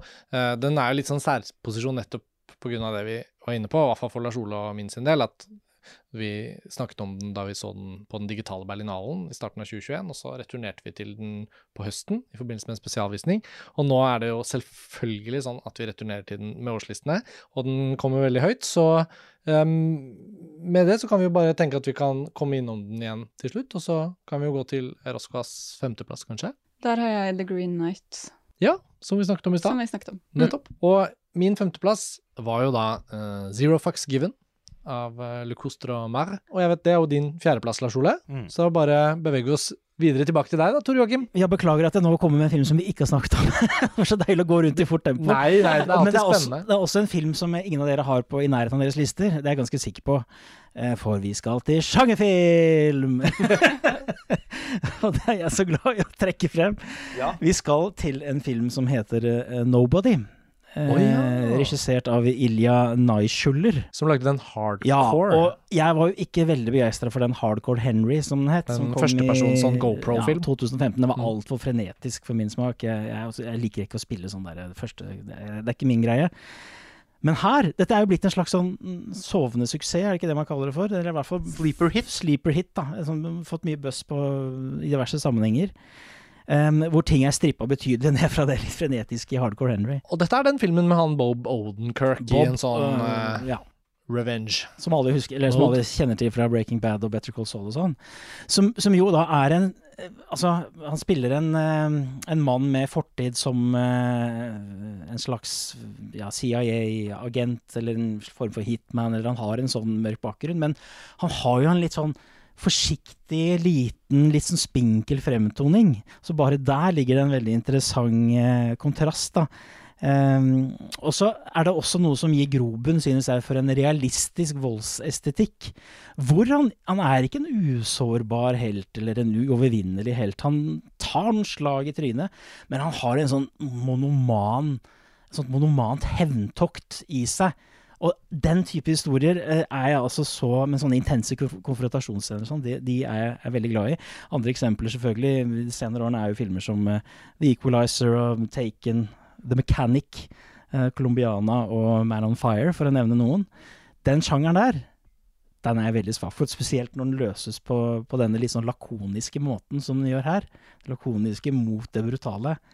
Det, det gjør at den bare Jeg, jeg elska den med en gang, rett inn på fjerdeplass. Wow. Ja, altså det hadde jeg ikke trodd at Jeg har sett at det har vært god buzz på denne filmen, eh, men det har alltid eh, gått litt sånn eh, Litt sånn venstrehåndsbuzz etter min radar, da. At jeg tenker sånn OK, men hvor bra kan den være, og sånn. Altså, hva er det i formspråket, bare for å intervjue deg litt om det? Altså, helt spesifikt, i og med at den hardcore er en ganske sånn konseptuell formøvelse, da, eh, med hele det Altså Hand-to-hand combat-scener her, da. Er det liksom Er det hammeren à la Oldboy, eller er det eh, shootouts à la John Wick og sånn? Altså, Nei, nei, det er det- akkurat det det ikke er. Si litt er- mer om akkurat hvordan den hevnen utspiller seg. Ja, eksempel en enkelt eh, scene tidlig i filmen som utspiller seg rett og slett inni en buss. Hvor han sitter, han er, han er på vei hjem, eh, som en helt sånn eh, ja, vanlig mann, egentlig. Litt sånn forsiktig, sånne, ikke ikke allværsjakke akkurat, men sånn Og så kommer det selvfølgelig noen pøbler om bord som skaper uhygge og dritt, ikke sant. Og så um, blir det en konfrontasjonsscene da, hvor uh, det slåss på bare neven, er ikke det et sånt uttrykk fra gamle dager? Hvor man liksom får et slag, og du kjenner det, og du blør, og det er hardt, og ting eh, Bein knekkes. Så det er ikke sånn superheltaktig Nei, altså, liksom jeg vil si at dette er en slags superheltfilm for folk som ikke liker superheltfilmer. Eh, og- ja, en sånn matter of fact måte å, å oppføre seg på, være på, og filmet på, ikke minst. Som, er, eh, som gikk rett hjem hos meg, da. Det er litt vanskelig å beskrive det. Det er ikke noen sånn ekstravagante visuelle iscenesettelser her. Nei. Det er den der konstante dynamikken mellom litt sånn humor eller lakonisk måte, og, og, og, og disse her eh, actionsekvenser som jo tross alt fins. Realistisk vold. Nobody. Nobody. Høres ut som en anbefaling. Enda en å notere seg fra din lille sånn ekstraverden, som ofte Den må snike seg inn. Den må puster liv i snike seg inn. årslistepodkasten. Um, bra, den fikk jeg skikkelig lyst til å se. skal vi da Ingen av oss andre har jo sett den, så det er jo litt vanskelig å, å gå i dialog om den, men jeg bare Jeg er alltid veldig glad Håper for å høre kommer på noen, kanskje på noen strømmetjenester. Jeg vet ikke hvor den er ennå, Ja. men ja. Roskva, da er vi til din fjerdeplass. Ja, og herfra og utover så er det, har jeg nølt veldig, eller lurt veldig på hvordan plasseringen skal bli. Eh, For jeg syns at de fire jeg har eh, øverst på lista mi, de Bortsett fra nummer én, så har jeg flyttet liksom på plassene fram og tilbake en del ganger. Og, eh, så jeg har litt dårlig samvittighet, rett og slett, for fjerdeplassen min, fordi jeg føler at den fortjener å stå høyere. Men nå var det nå en gang sånn det blei, eh, og der har jeg gritt. Så den vet jeg at en del av dere har kanskje enda høyere. Det stemmer. I Tonje Søymer Guttormsens Gritt. Eh, vi nærmer oss jo nå et av de siste store samtaleemnene om filmåret 2021, og det er jo hvor fantastisk bra norsk filmår dette har vært. Og jeg har vært litt usikker på når i podkasten vi liksom skal ta det. Um, på en måte så kunne vi like gjerne bare gjøre det nå. Det kan vi godt. Um, og da kan vi jo bare ta, ta runden her, for det er jo to norske filmer som gjør det meget skarpt på årslistene. Og det ene er Gritt, og den andre er jo da Joachim Triers 'Verdens verste menneske'. Og så er det jo også uh, Eskil Vogts 'De uskyldige', og så er det også uh, Yngvild Sve Flikkes 'Ninja Baby', og uh, noen har sikkert uh, listet opp altså av bidragsyterne våre på montasje, da. Gunda, den dokumentaren er det mange som liker. altså sånn, Så det har vært et, faktisk ganske mange å velge fra fra den norske filmfloraen, da. Men Gritt og 'Verdens verste menneske' står jo i særstilling. Jeg har valgt å plassere de begge på andreplass. De får delt topplassering nesten hos meg. Eh, Lars Ole? Ja, eh, jeg har da endt med å eh, gi 'Verdens verste menneske' min tredjeplass. Og Gritt førsteplass. For det er min favorittfilm fra 2021, og det fremkommer vel ganske tydelig i den 75 avsnitt lange analysen jeg har skrevet på montasje. Ja, fordi i den grad du kjemper for å få frem dine hjertesaker, eh, så har du ingen Jo, men du har ingen grundigere fremlegging av din kjærlighet for gritt enn den analysen som fins på montasje. Det er virkelig, og jeg må si det, det er virkelig en imponerende tekst. fordi Ja. den, den reflekterer eksakt den samme filmen som jeg elsker. Ja, Og det er så samme. deilig når man leser en tekst og bare tenker ja, det er akkurat det. Det er akkurat det. Og særlig så er det jo flott at disse to filmene, som tross alt er ganske ulike, 'Verdens verste menneske' og 'Gritt', kommer i samme filmår, og dermed gjør 2021 til et sånt spesielt år. Men Roskva, du får ta 'Gritt' da fra ditt perspektiv, siden den er da din fjerdeplass. Ja, nå har det jo blitt sagt at Lars Ole i sin lange og svært gode artikkel eh, har vært inne på mange av punktene som også gjør at jeg likte Gritt. Men sånn kort oppsummert, eh, trenger jeg å ref gi et sånt handlingsreferat, eller eh, Det handler om Gry Jeanette, en kvinne i slutten av 30-åra, tror jeg. Eh, som kommer tilbake til Oslo etter et sånn lengre opphold i utlandet. Og det er tydelig at hun har Jeg tror hun har vært eh, performancekunstner, skuespiller, litt sånn i grenseland. Og kommer tilbake til Oslo hvor hun har veldig mange sånn løse bekjentskaper, men kanskje ikke egentlig noe nettverk. Eh, vi skjønner etter hvert at hun nok ikke har noe sånn veldig tette familiebånd heller. Hun er en litt sånn ensom vandrer eh, i verden, og bor litt i en leilighet som hun får låne av tanta si, er det vel.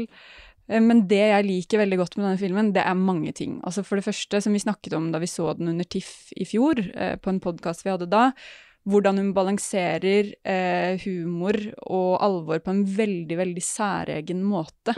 Hvor denne Gritt-karakteren hele tiden på sett og vis latterliggjøres, og samtidig blir en enormt gripende skikkelse. Og så liker jeg det som et portrett av en, altså portrett av en kvinne. Altså jeg kjenner meg veldig igjen i Gritt, til tross for at man kanskje Det er ikke sånn at man kanskje fra utsiden ligner så mye, men jeg kjenner meg igjen i hennes konflikter, i hennes på en måte intensitet, forsøk på å finne ut av eh, hva er det dette livet er for noe, hva er frihet, eh, hva er autentisitet, hvordan å uttrykke meg, som blanding av ville høre til og ha en aversjon kanskje mot fellesskapet. Hun står hele tiden i en sånn type bevegelse hvor hun vil inn i noe og vekk fra noe samtidig, som jeg syns er veldig, veldig, veldig fint eh, skildra i filmen og i formspråket. Og så er den bare utrolig utrolig vellagd, og den ligner ikke på noe annet. Du får en sånn veldig følelse av at Guttormsen på en måte har skikkelig peiling på det hun driver med, og samtidig er utrolig intuitiv. Og det er noe av det jeg setter mest pris på både med litteratur og film og musikk, er når du får den der blanda opplevelsen av at du er i trygge hender, men den som skaper det, er også i bevegelse og helt åpen, har ikke, som, har ikke nødvendigvis kontroll, men autoritet på et eller annet nivå, da. Uh, nei, så det er masse å si om den filmen, men uh, det en var Perfekt eh, oppsummert, uh, syns jeg. Jeg skriver under på alt du akkurat sa. Jeg syns også det er um, nettopp det som også selv, uten å kjenne seg igjen i alt Gritt gjennomlever, så føler jeg det som at noe av identifikasjonen filmen klarer å skape, er litt sånn mirakuløs. Da. Det er på en måte det er et, et strev og en sånn kvern hun går igjennom, som selv uten å ha opplevd den selv, så kjenner jeg bare en sånn voldsom nærhet til henne. Og jeg syns det alltid er så sterkt, og det er ikke så ofte det skjer. Litt i Lille mamma òg, som vi var innom nå, og så kan komme litt tilbake til den på slutt. Men sånn, man får så nærhet til noen bare ved å ha sett dem på film. At det er mulig.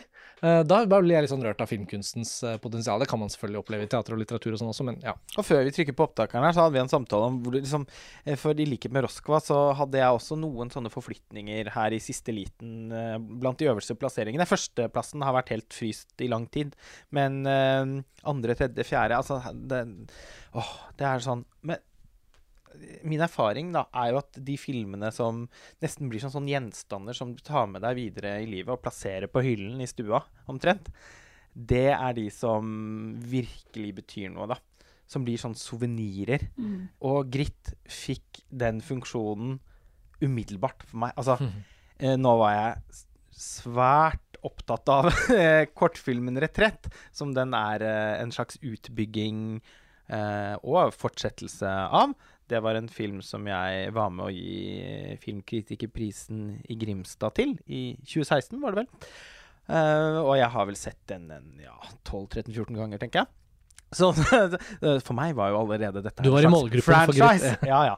Uh, og, men, men likevel, altså Bare under, under første visning altså, så, så, så, så skjønte jeg at dette er en film som kom, jeg kommer til å ha med meg resten av livet mitt. Som kommer til å være av stor betydning. Ja, altså jeg skriver under på det. Bare for å ta det raskt, så er, de tre norske eh, uskyldige på tolvte. Gritt Nei, eh, verdens verste menneske 14 og Gritt 17. Så det er, det, er høy, det er ikke så høyt som dere, men det er høyt. Og, og jeg ble jo da eh, Jeg satt også i en jury. Jeg skulle, jeg skulle nominere en filmmusikkpris fra, fra året som var. Og da mm, var det jo diskusjoner selvfølgelig om eh, hva det, hva det skulle være og sånn. Og, mm, Erik Ljunggrens musikk var jo da en kandidat, og det var den som ble nominert til slutt. Men i prosessen med å forstå og dekonstruere Ljunggrens musikk til Gritt, så gikk man også inn i det, det der enorme, komplekse lappeteppet som filmen er for øvrig. Ikke sant? Og prøver å, å feste ting på hverandre og sånn. Og det, det gjorde jo bare at dette er jo en film som jeg må tilbake flere ganger og, Ja. og, og dekonstruere. Og det, det, liksom, det er en sånn banal ting å si, men for det går liksom utover disse her mm, beskrivelsene av henne som person, og sånn som dere beskriver. Men, men det for meg gjør det til et eh, rikt nok verk alene, da. Ja, og jeg vil bare skyte inn også sånn i den grad jeg på litt sånn forutsigbart vis har liksom en kommentar om form og f.eks. klipping, da. Så tenker jeg jo i enda større grad enn The Father, så er jo flyten, klippingen, driven, innsikten i hvordan filmspråk og tematikk og eh, rollefigurens liksom, utvikling kan gestaltes i det faktiske, liksom Det som gjøres hvert eneste klipp, hvert eneste lille valg, den er jo helt ekstremt flott gjennomført på den måten. Og der hever den seg over alle de andre norske filmene fra 2021. Så jeg, jeg syns liksom eh, det, det er ikke bare montasje som skal til for å sørge for at Gritt stiger opp som en av de store norske filmklassikerne, men eh, det hjelper, for dette er fortsatt en film veldig få har sett. Så er det noen der ute som hører på som fortsatt kjenner at Søren, jeg så jo aldri den gritt, jeg vet de anbefalte noe og sånn. Grip nå for guds skyld anledningen, nå som dere nok en gang påminnes om det. For det er en film som også er ekstremt underholdende. Altså, Det må ikke misforstås som en slags sånn der, uh, statisk kunstfilm. At den- Fartsy-greiene. det er jo det er noe Scorsese her, og det er noe altså, sånn, skjønner du, bare sånn i driv. Hylende morsom. Ja, en en av de morsomste filmene jeg har sett i hele Ja, mitt liv. Og lander i noen sånne urkrefter på slutten. Ja, og. Amanda vinner for beste kostyme. Ja, ja. Vi måtte jo le litt etter syns det var veldig bra det den du, du sa, Roskva, i staten, på en måte filmens autoritet. Altså, fi, filmen bruker på en måte sin egen selvsikkerhet til å levendegjøre Grits usikkerhet. Mm.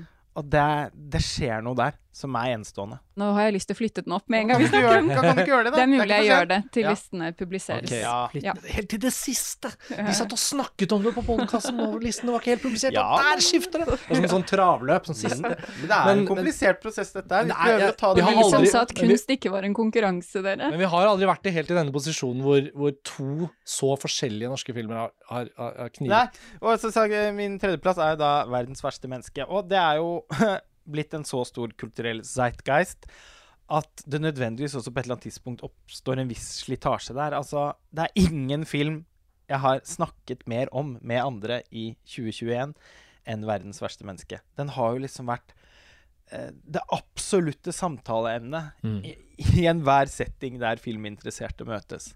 Og det er tross alt veldig mange forskjellige meninger om den. Det er mange forslag til hva som kunne vært annerledes, hvorfor Joakim Trier burde gjøre sånn og sånn isteden, om den voiceoveren fungerer eller ikke, om eh, blikket er skjønnet på den eller den eller den måten. Og noe jeg syns har vært en veldig positiv erfaring gjennom året, egentlig, det er at jeg syns at den er morsom å snakke om. Altså eh, Slitesterk også. Ja, fordi slitasjen har oppstått i den forstand at jeg liksom Jeg vet ikke om jeg orker enda en runde nå. Men det har vært, stort sett vært veldig gøy. Mm. Og eh, det syns jeg fordi at jeg selv er så glad i filmen. Og den kjærligheten oppsto helt eh, Altså, den oppsto med en gang. Og Kjærlighet ved første blikk, ja, si. og den har ikke falmet. Og for meg så har filmen blitt litt som et sånt tårn som det har blitt plukket ut veldig mange planker og pilarer fra eh, i løpet av de siste månedene. Jeg syns mange har gode poenger når de kommer med kritiske betraktninger på filmen. Og har ikke følt et kjempesterkt behov for å da stille meg foran filmen i sånn kjempeforsvar og si at nei, kom igjen! Eh, det, Nei. altså, jeg, jeg, tvert imot syns det har vært veldig spennende å, øh, å, å høre på noen av de kritiske betraktningene som nok har est litt et, altså i løpet av høsten, da. I Cannes var det jo veldig sånn jubelstemning. Men som sagt, uansett hva som har blitt liksom trukket ut av konstruksjonen, så har den blitt stående for meg. Jeg føler litt sånn at du kan kaste hva du vil på den filmen, og jeg syns fortsatt jeg, jeg står like godt i min egen opplevelse. Samtidig som jeg også syns at det er interessant å, å liksom f.eks. For forsøke å dekonstruere den litt, da. Og jeg tror også det har noe uh, å gjøre med at uh, Joakim Trier lager veldig levende uh, filmer. Som liksom alltid er i bevegelse, som er fulle av innfall, og uh, som ja, liksom ikke slår seg helt til ro med seg selv. Ja, og jeg tenkte mye på det mens du sammenlignet den i eh, med denne Zero Fucks Given, da, og, og hovedpersonen i de to filmene. Og jeg, jeg må bare kort føye meg til det du er inne på, Lars Ole, med at Verdens verste menneske er egentlig en film som jeg syns forlenges og gjøres mer spennende som en del av året som gikk, ved at den ikke blir sluttet å snakke om. Altså, den, den er i særposisjon både hos Joachim Trier, men også i nyere norsk film, i den grad at den er både vår mest sånn internasjonalt festivalanerkjente film fra 2021, men den har også seilet, noensinne. og den har seilet frem som en av de absolutt mest populære kinobillettsalgsfremmende suksessene fra det sjiktet av norsk film. Kanskje noensinne, egentlig. Altså, ja, det var mange som sa mye pent om Hodejegerne da den kom, og den solgte var over en halv million kinobilletter og sånn, men den var nå engang laget som en kommersiell film som skulle gjøre det bra. En stor eh, katastrofefilm fra 2021 som Nordsjøen endte jo opp med nesten ens billettsalg som verdens verste menneske, ikke sant? Det hadde jo ingen kunnet spå. Da hadde du fått igjen ganske mye på innsatsen hvis du hadde gambla på det. Eh, og det er på en måte hele den reisen filmen allerede har tatt, som gjør at den testes, da. Fordi suksess i Norge innebærer jo også å bli revet ned. Eh, Det er sånn det er, bortsett fra for eh, kanskje langrennsløperne våre, men eh, de har jo fått seg en smell, de også, det siste tiåret, i ulik grad. Så jeg måtte tenke litt om at norske forhold til suksess, når det også er slags sånn derre elitelignende klang rundt det, da, ikke sant, at det er noen som, sånn som at Støre har holdt på i årevis for å bli statsminister, blir noe med at ja, men han kan fransk, så da vil vi heller ha Vedum, liksom. Da det var nesten på vippen til det, at det kanskje kunne bli sånn. Og så vippet det andre veien. Og nå har eh, Jonas Gahr Støre nettopp eh, vært sammen med Joachim Trier i New York for å snakke om filmen. Det var en fin ring som ble sluttet. Hvor ofte har man opplevd det? Der vil jeg si til mitt forsvar, da, siden jeg er eh, ganske kritisk til filmen, eh, at jeg så den en stund før den hadde norsk premiere. Jeg tror det var tre uker før. eh, og hadde fått med meg bussen fra Cannes, selvfølgelig, eh, og fikk jo med meg den voldsomme applausen eh, etter den norske premieren. Og ganske lenge følte meg som en fremmed i mitt eget eh, land. Fordi jeg virkelig ikke kunne eh, møte på en eneste person som ikke elsket den filmen. Som ikke var panegyriske, nærmest. Ja, ja, det- i sjangeren 'går du ikke på ski', liksom? Ja, ja. Og, og jeg, jeg gikk liksom turer i skogen og tenkte på den filmen. Sånn, og jeg måtte nesten analysere meg selv for å finne ut er, ja, er det noe med meg. Det, hva, hva er dette her for noe? Eh, men så dukket jo etter hvert opp eh, annet den som Hanna Bull Torvik i Dagbladet, tror jeg det var, som hadde bemerkelsesverdig like poenger som de jeg hadde notert ned i min indre kronikk. Eh, og så har det dukket opp flere saker også igjen på montasje, Mm. eh, som, som roser filmen, men også har noen liksom, innsigelser. Da. Ja, jeg syns den er litt mer nyansert enn den Torvik-artikkelen. ja, altså, jeg syns begge de tekstene er inne på ting jeg syns er eh, ja, sentrale innsigelser, på en eller annen måte. Eh, mitt største problem Altså sånn, dette kommer jo til å havne på min X-plassering, da, som Mm. kan gis til kontroversielle filmer.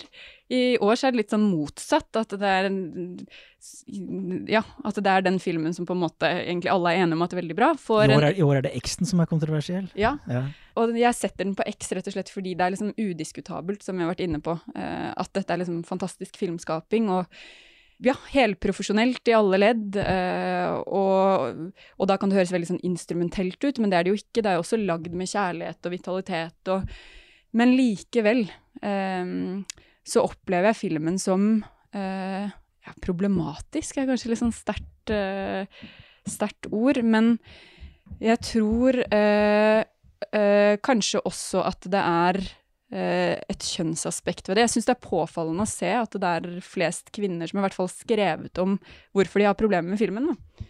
Og jeg tror kanskje at det er eh, Hvis man er fan av Joachim Trier og elsker reprise og disse tingene her, Som jo du er. som jeg er, så har man noen forventninger når det skal komme en lignende skildring da, av en kvinne eh, som er litt eldre og det er en annen livsfase, og det skal jo ikke være en reprise to, men eh, hvor jeg tror på en eller annen måte at det kanskje er vanskelig å ikke sette seg i kinosalen og ikke nødvendigvis forvente å bli liksom eh, en sånn totalidentifikasjon, men jeg tror det er noe med det der å være en kvinne i rundt overgangen 30 eh, som driver med noe kreativt type ting. Eh, og det er det filmen skal skildre, på samme måte som repriser skildret unge menn i starten av 20-åra med noen lignende type ambisjoner. Hvor det er et eller annet som skjer i denne filmen som ikke skjedde i reprise, og vice versa, som jeg i hvert fall kjenner at skurrer veldig for min del. Og det handler om litt av det vi snakket om tidligere i samtalen, da vi nettopp sammenligna den med Zero Fucks Given, hvor eh, Julie på den ene siden blir veldig som et bilde på altså den gjennomsnittlige unge kvinne som holder på med noe sånn semi-akademisk kunstnerisk, hvor hun på et eller annet vis skal være en representant for en generasjon, samtidig som filmen også eh, er et slags sånn eh, Har et veldig sånn forelska blikk på henne, eller liksom Det er jo en kjærlighetserklæring til henne. Det er ikke en film som ønsker å liksom plukke henne fra hverandre som et eksempel på en tid, bare. Hun skal liksom være et menneske vi blir glad i og føler med, osv. Og, så og jeg følte meg veldig eh, kald og tom, eh, både mens jeg så filmen og etterpå. Jeg følte at den ville at jeg skulle bli rørt, uten at jeg ble det. Og at den på et eller annet vis Det kan jo høres litt hardt ut, men jeg føler at det er en film som på et vis kanskje prøver å kritisere noen tendenser i tiden, men som samtidig ikke er interessert nok i de tendensene. Eh, Så samtidig som det skjer, så får jeg også en følelse av at eh, jeg sitter og har sett et slags, en slags sånn kjærlighetserklæring til overfladiskhet, på en eller annen måte. At jeg syns at Julie-karakteren, som liksom alle snakker om, og så varm, og ja, og man kjenner seg sånn igjen, og sånn. Så jeg føler at hun er veldig hul og kald og tom, og det er spennende i seg selv, men fordi filmen egentlig ikke er interessert i det, den sier bare 'sånn er livet', så blir jeg litt sånn nei, sånn er ikke livet. Ikke hvis dette skal være en slags sånn skildring av det å modnes, det å bli eldre, som jeg føler også at filmen antyder at det er. Så blir den på en eller annen måte Ja, jeg opplever den som en sånn overfladisk på en eller annen måte, uten at den klarer å egentlig diskutere det. Jeg husker at vi hadde en lignende samtale en gang om Frances Ha. Ja, som jeg heller ikke liker spesielt godt. Nei. Og det er jo en film som mange har uh, ja, referert til i forbindelse med 'Verdens verste menneske'. da. Ja, All den tid det. dette er på en måte Triers så langt mest Baumbach, Gervig, eh, Woody Allen-aktige film. Men jeg opplever nettopp det. Jeg syns det er kjempespennende. Jeg deler ikke din eh, opplevelse av filmen, men jeg syns dette er kanskje noe av det vi snakket litt om i stad, at en av de tingene som gjør verdens verste menneske så bemerkelsesverdig som filmverk i en sånn norsk uh, kulturell offentlighet, nærmest, er at det har blitt ekstremt sjelden at de hermetegn på en måte mest vellykkede norske filmene på en sånn kunstnerisk plan også stiger opp og blir en del av samtalen i så stor grad at man virkelig har meningsfulle meningsutvekslinger om dem, hvis du skjønner hva jeg mener. Altså, jeg elsker Dag Jan Haugeruds filmer, men jeg føler de har alltid forblitt, på tross av sin omtale og suksess, de har liksom forblitt inni den gruppen som allerede vet at de liker dem på en eller annen måte. Men, og nå er jo ikke egentlig du en representant for det, men jeg syns likevel at 'Verdens verste menneske' har steget helt ut og blitt en sånn film som har sett av ikke sant? Jeg vet ikke hvor mange som har sett den i skrivende stund, da, men si 230 000-240 000 mennesker har kjøpt kinobillett i Norge.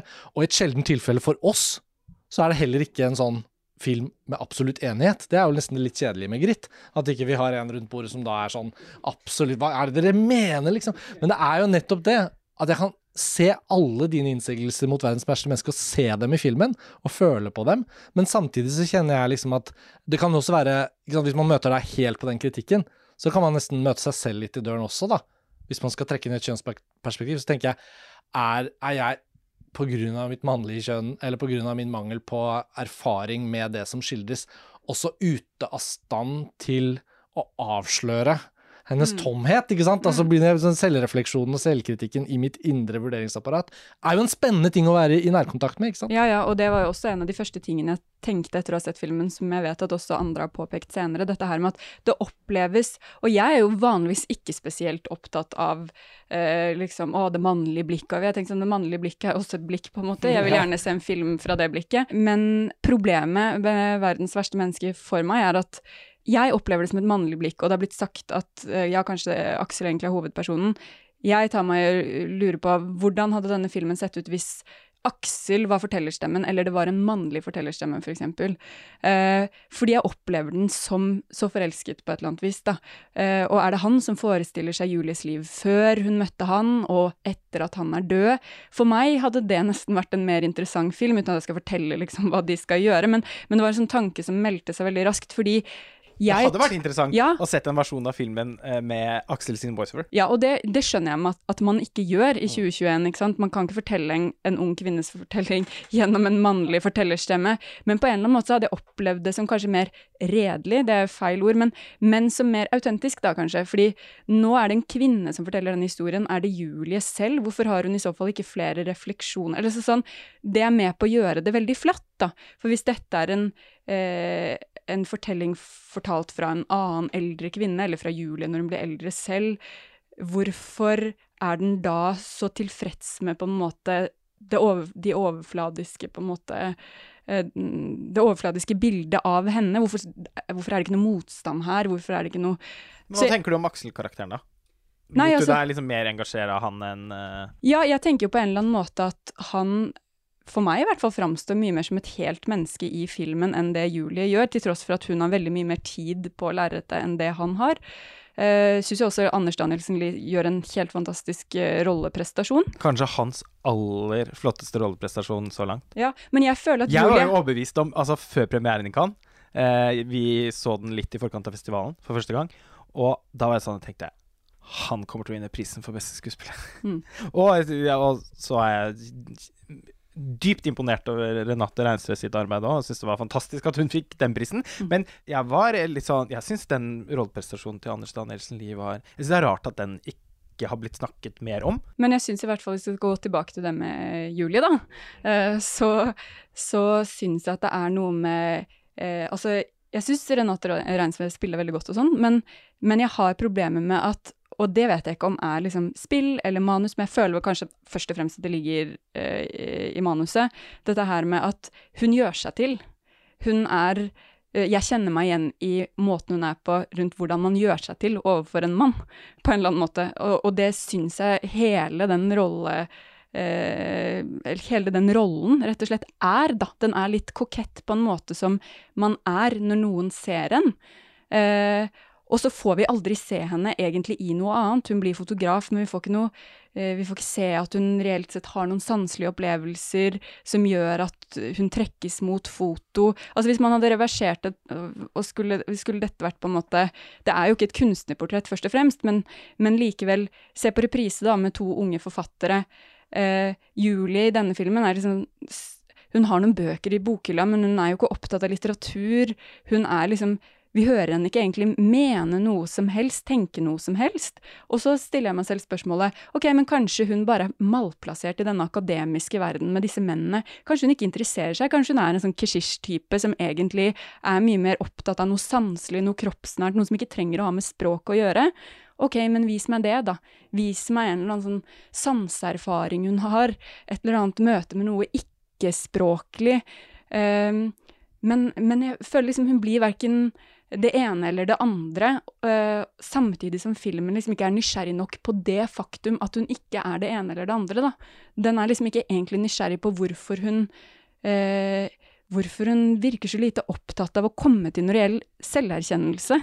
Uh, ja, en liten rant. Ja. Men det er jo også veldig Nesten litt sjelden på årslistepodkastene, syns jeg at en film som er helt der oppe som en av aller årets beste filmer på listene, også får den lengste ikke rant. Jeg syns du er eh, på et langt høyere nivå enn rant. Altså, dette er jo det beste med å være uenige om en kunstopplevelse på den måten, er at jeg opplever at din refleksjon over filmen tar umiddelbart bolig i hvordan jeg tenker rundt filmen selv. Og jeg syns det er veldig spennende å høre dine tanker rundt den. Jeg, jeg, lurer, jeg har ofte liksom lurt på også om vi Det blir veldig, veldig komplisert, kanskje vanskelig å egentlig snakke om, da. Men nå må jeg bare ha med meg Cassandre fra Zero Fucks Given en gang til, eh, og Adele Exar Exarkopolos Lars Ole funnet at det uttales. Jeg pleide å si Exarchopolos, men jeg sa jo Skiamma i årevis også. Og nå har jeg lært å si Siamma. At det er så mange måter å være menneske på. og vi, vi, Noen har mange venner eller venninner og definerer seg det, kommer fra ulike familier. ikke sant? Alt som gjør at vi er forskjellige. Og noen har jo snakket om at Julie også er et portrett av en, en type jente som Eller en type kvinne som ja, som kanskje har de trekkene, da, eh, og som på en måte kanskje ikke egentlig er en så sofistikert person, men at hun i sin søken etter noe å henge seg fast ved, eh, egentlig på sitt vis I hvert fall opplevde jeg nok det litt mer i den retningen, da, at hun bærer med seg en veldig sånn sår autentisitet, og jeg mener nok å si at jeg har kjent en del jenter som ligner Som kanskje har en veldig sånn tung stemning i seg ved å føle på at de mangler noe, men de vet ikke hva det er. Og det er jo noe jeg kan også kjenne meg igjen i, sånn uansett hvilket kjønn man er, så tenker jeg på den følelsen av den fasen i livet hvor man tror man liksom skal inn i noe og finne svar, eller finne et annet menneske, f.eks. Ja, ja. Finne svaret i et annet menneske. Men at når det viser seg å være feil, så føler man seg bare tom, og da fremstår man jo også litt sånn tom. Så enda en det ikke ble noe med, ikke sant, så snakker man med foreldrene sine, så er det liksom sånn ja, nei, altså, derfor bare liksom sånn Men som, som, alle de forsøkene som blir til ingenting, kan jo også fremstå som ens egen tomhet og mangel på egenskaper eller mangel på evner. Og derfor føler jeg litt at slutten på filmen syns jeg er veldig viktig, for egentlig er det begynnelsen på en annen film, eller en ny film, om henne.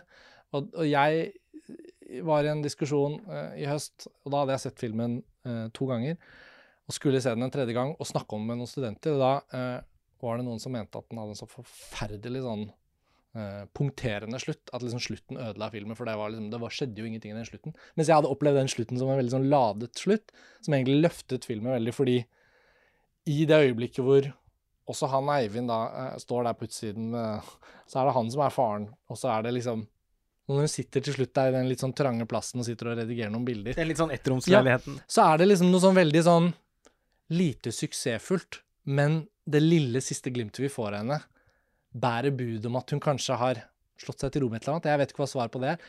Jeg vet ikke egentlig om det var en sånn kommentar til det du sa, men jeg så henne litt sånn i det lyset. Jeg, gjorde henne også til en veldig sånn spennende og rik karakter. Jeg har kjent både gutter og jenter som minner om Julie i løpet av livet. Og jeg, når jeg ser filmen, så identifiserer jeg meg både med Aksel og Eivind og Julie. Men jeg, jeg, jeg så filmen uh, på nytt i går, for å ha den liksom friskt i minne før podkasten. Og det slår meg at det som for meg er den fremste kvaliteten, er at Joakim Trier lykkes med å fange Norge. Som han òg har gjort tidligere, i både reprise, Oslo 31. august og Thelma. Jeg sliter med å sette fingeren på akkurat hva det er. Nett nettopp fordi at det er litt vagt, og, og dessuten kan identifiseres som universelt, apropos hvor skarpt filmen gjør det internasjonalt. Så det er kanskje mest en fornemmelse, men jeg kjenner den dypt inni meg. Og mer enn noe annet rommer verdens verste menneske for meg mange øyeblikk og detaljer. Eh, de brune øynene til Julie som blir sorte og glitrende i mørket. Som i Allens 'Husbands and Wives'. Den filmen er for øvrig tror jeg, en viktig referanse. Understreket av parafraseringen i tittelen eh, til kapitlet 'Oral sex i Metoo's tidsalder'. I 'Husbands and Wives' er det 'Oral sex in the age of deconstruction'. Uh, Julies sin far sin håpløse e-postbortforklaring når han forsøker å gjøre rede for hvorfor han ikke har lest datterens kronikk. De battlende kulturmennene Jan Kjærstad og Karl Ove Knausgård side om side i bokhylla under en lang remse Asterix-hefter. Uh, Perfect Hour-lys på Bislett, fysisk format, monologen til Aksel og replikken sånn som Jeg vil bare være hjemme i leiligheten min. Som jeg blir helt på gråten av. Ah, hvorfor det? Jeg vet ikke helt, uh, men jeg blir det i hvert fall. Uh, replikken så du er, det, du er det minst moraliserende mennesket jeg har møtt også. Kanskje fordi jeg syns det er en skikkelig fin egenskap. Luftromspillingen på sykehuset Når Eivind har lest Julie sin tekst og sier at den er bra formulert med E, så, så liksom så godvillig, håpløst inkompetent at det fremstår veldig klart at han ikke er særlig interessert i tekst og språk. For at altså, en så tam tilbakemelding ville aldri noen som er det, ha gitt. Innafor utafor-leken på den krasjede bryllupsfesten. En umiddelbar klassiker i mine øyne. Jeg elsker den. Jeg elsker den ikke. jeg elsker den. Og jeg kan nesten ikke helt konkretisere det eller forklare det på en annen måte. Altså, jeg blir veldig rørt av å se filmen. Jeg hadde en ganske sånn tydelig reaksjon i går, Mm. og jeg syns egentlig det er litt pussig at den så konsekvent eh, henvises til som en romantisk komedie, og som en sånn film som eh, gjør deg altså, varm om hjertet. Og jeg syns egentlig den er ganske kjip og trist og tung. Eh, jeg, den fyller meg med flere dårlige enn gode følelser. Det har blitt merkbart ettersom jeg har sett den flere ganger. Jeg syns den andre halvdelen av filmen, eller den siste tredjedelen av filmen, blir det jo, med Aksel og hans sykdomsforløp og hans eh, blikk på hvordan livet har vært, er eh, tungt å, ta inn over seg. Jeg syns monologen hans som fysisk format, og at han føler at han er i ferd med å bli en sånn bakstrebersk kulturmann som murer seg inne blant egne besettelser, er eh, det, Jeg syns det er skrevet og ikke minst spilt på en veldig treffende måte. Den siste scenen med Aksel og Julie i bilen der, hvor han sier, som jeg sa i stad, jeg vil bare være inne i leiligheten min, det syns jeg er ja, veldig sterkt. Men det er jo påtagelig at vi igjen sitter og snakker om Aksel. Og eh, bare avslutningsvis har jeg lyst til å uh, sitere Edith Sødegran, som uh, i et av sine dikt skriver Du søkte en kvinne og fant en sjel, du er besviken. Og her er det litt sånn motsatt for meg. Jeg søkte en sjel og fant en kvinne, og jeg var ikke så fornøyd med det. La det bli de avsluttende poetiske ordene om verdens verste menneske i denne sammenhengen. Eh, Den er jo da altså plassert på litt sånn ulike steder på listene våre. Min andreplass delt med Grit. Lars Ole, det var din Tredjeplass. tredjeplass. Eh, Roskvas X-plass, Tor Joakims 14. og da ville jo jeg hoppe raskt til rekkefølgen igjen. Og min fjerdeplass, det er jo da Dune. Og din tredjeplass, Lars Ole, har vi da nettopp vært innom. Og Tor Joakim, hvor mange filmer gjenstår det for oss nå å snakke om? Er det noe mer overraskelser på din liste? Nei, det er uh, Nummer tre har vi snakket om, The Father. The Father, nettopp. Skal vi ta runden, da, Roskoa? Ja, jeg, jeg har dessverre et nytt kort å legge på bordet. The Power of the Dog, Jane Campion. Ja, det er ikke noe dessverre, det. Men eh, den eh, vet jeg i hvert fall at jeg ikke har noe mer å si om enn det jeg har sagt tidligere, og den er ikke på min liste. Ja, kanskje greit å bare ta et sånt enkelt riss. Eh, Det handler om et brødrepar på 20-tallet som bor litt sånn ute i ødemarka, hvor den ene broren eh, møter en dame som jobber på et vertshus, eh, blir forelsket i henne, gifter seg med henne. Hun har en sønn eh, som også jobber på vertshuset, og som åpenbart er homofil. Eh, I hvert fall Phil, som er kanskje den viktigste av de to brødrene. Som er han som ikke gifter seg, men som er den mer sånn autoritære, uh, maskuline storebroren. Uh, er veldig kritisk til lillebrorens ekteskap, veldig kritisk til den nye stesønnen til lillebroren, som han egentlig trakasserer ganske grovt for å være liksom femi. hvor det sakte, men sikkert viser seg at denne Phil selv er homofil, og han og denne stesønnen til broren får en liksom spesiell relasjon. Jeg skal ikke trenger å røpe hvordan filmen ender og sånn. Eh, men det jeg likte veldig godt med den filmen, da, var at første halvtimen så ble jeg sånn derre Jeg skjønner ikke hva, jeg, hva det er jeg ser på.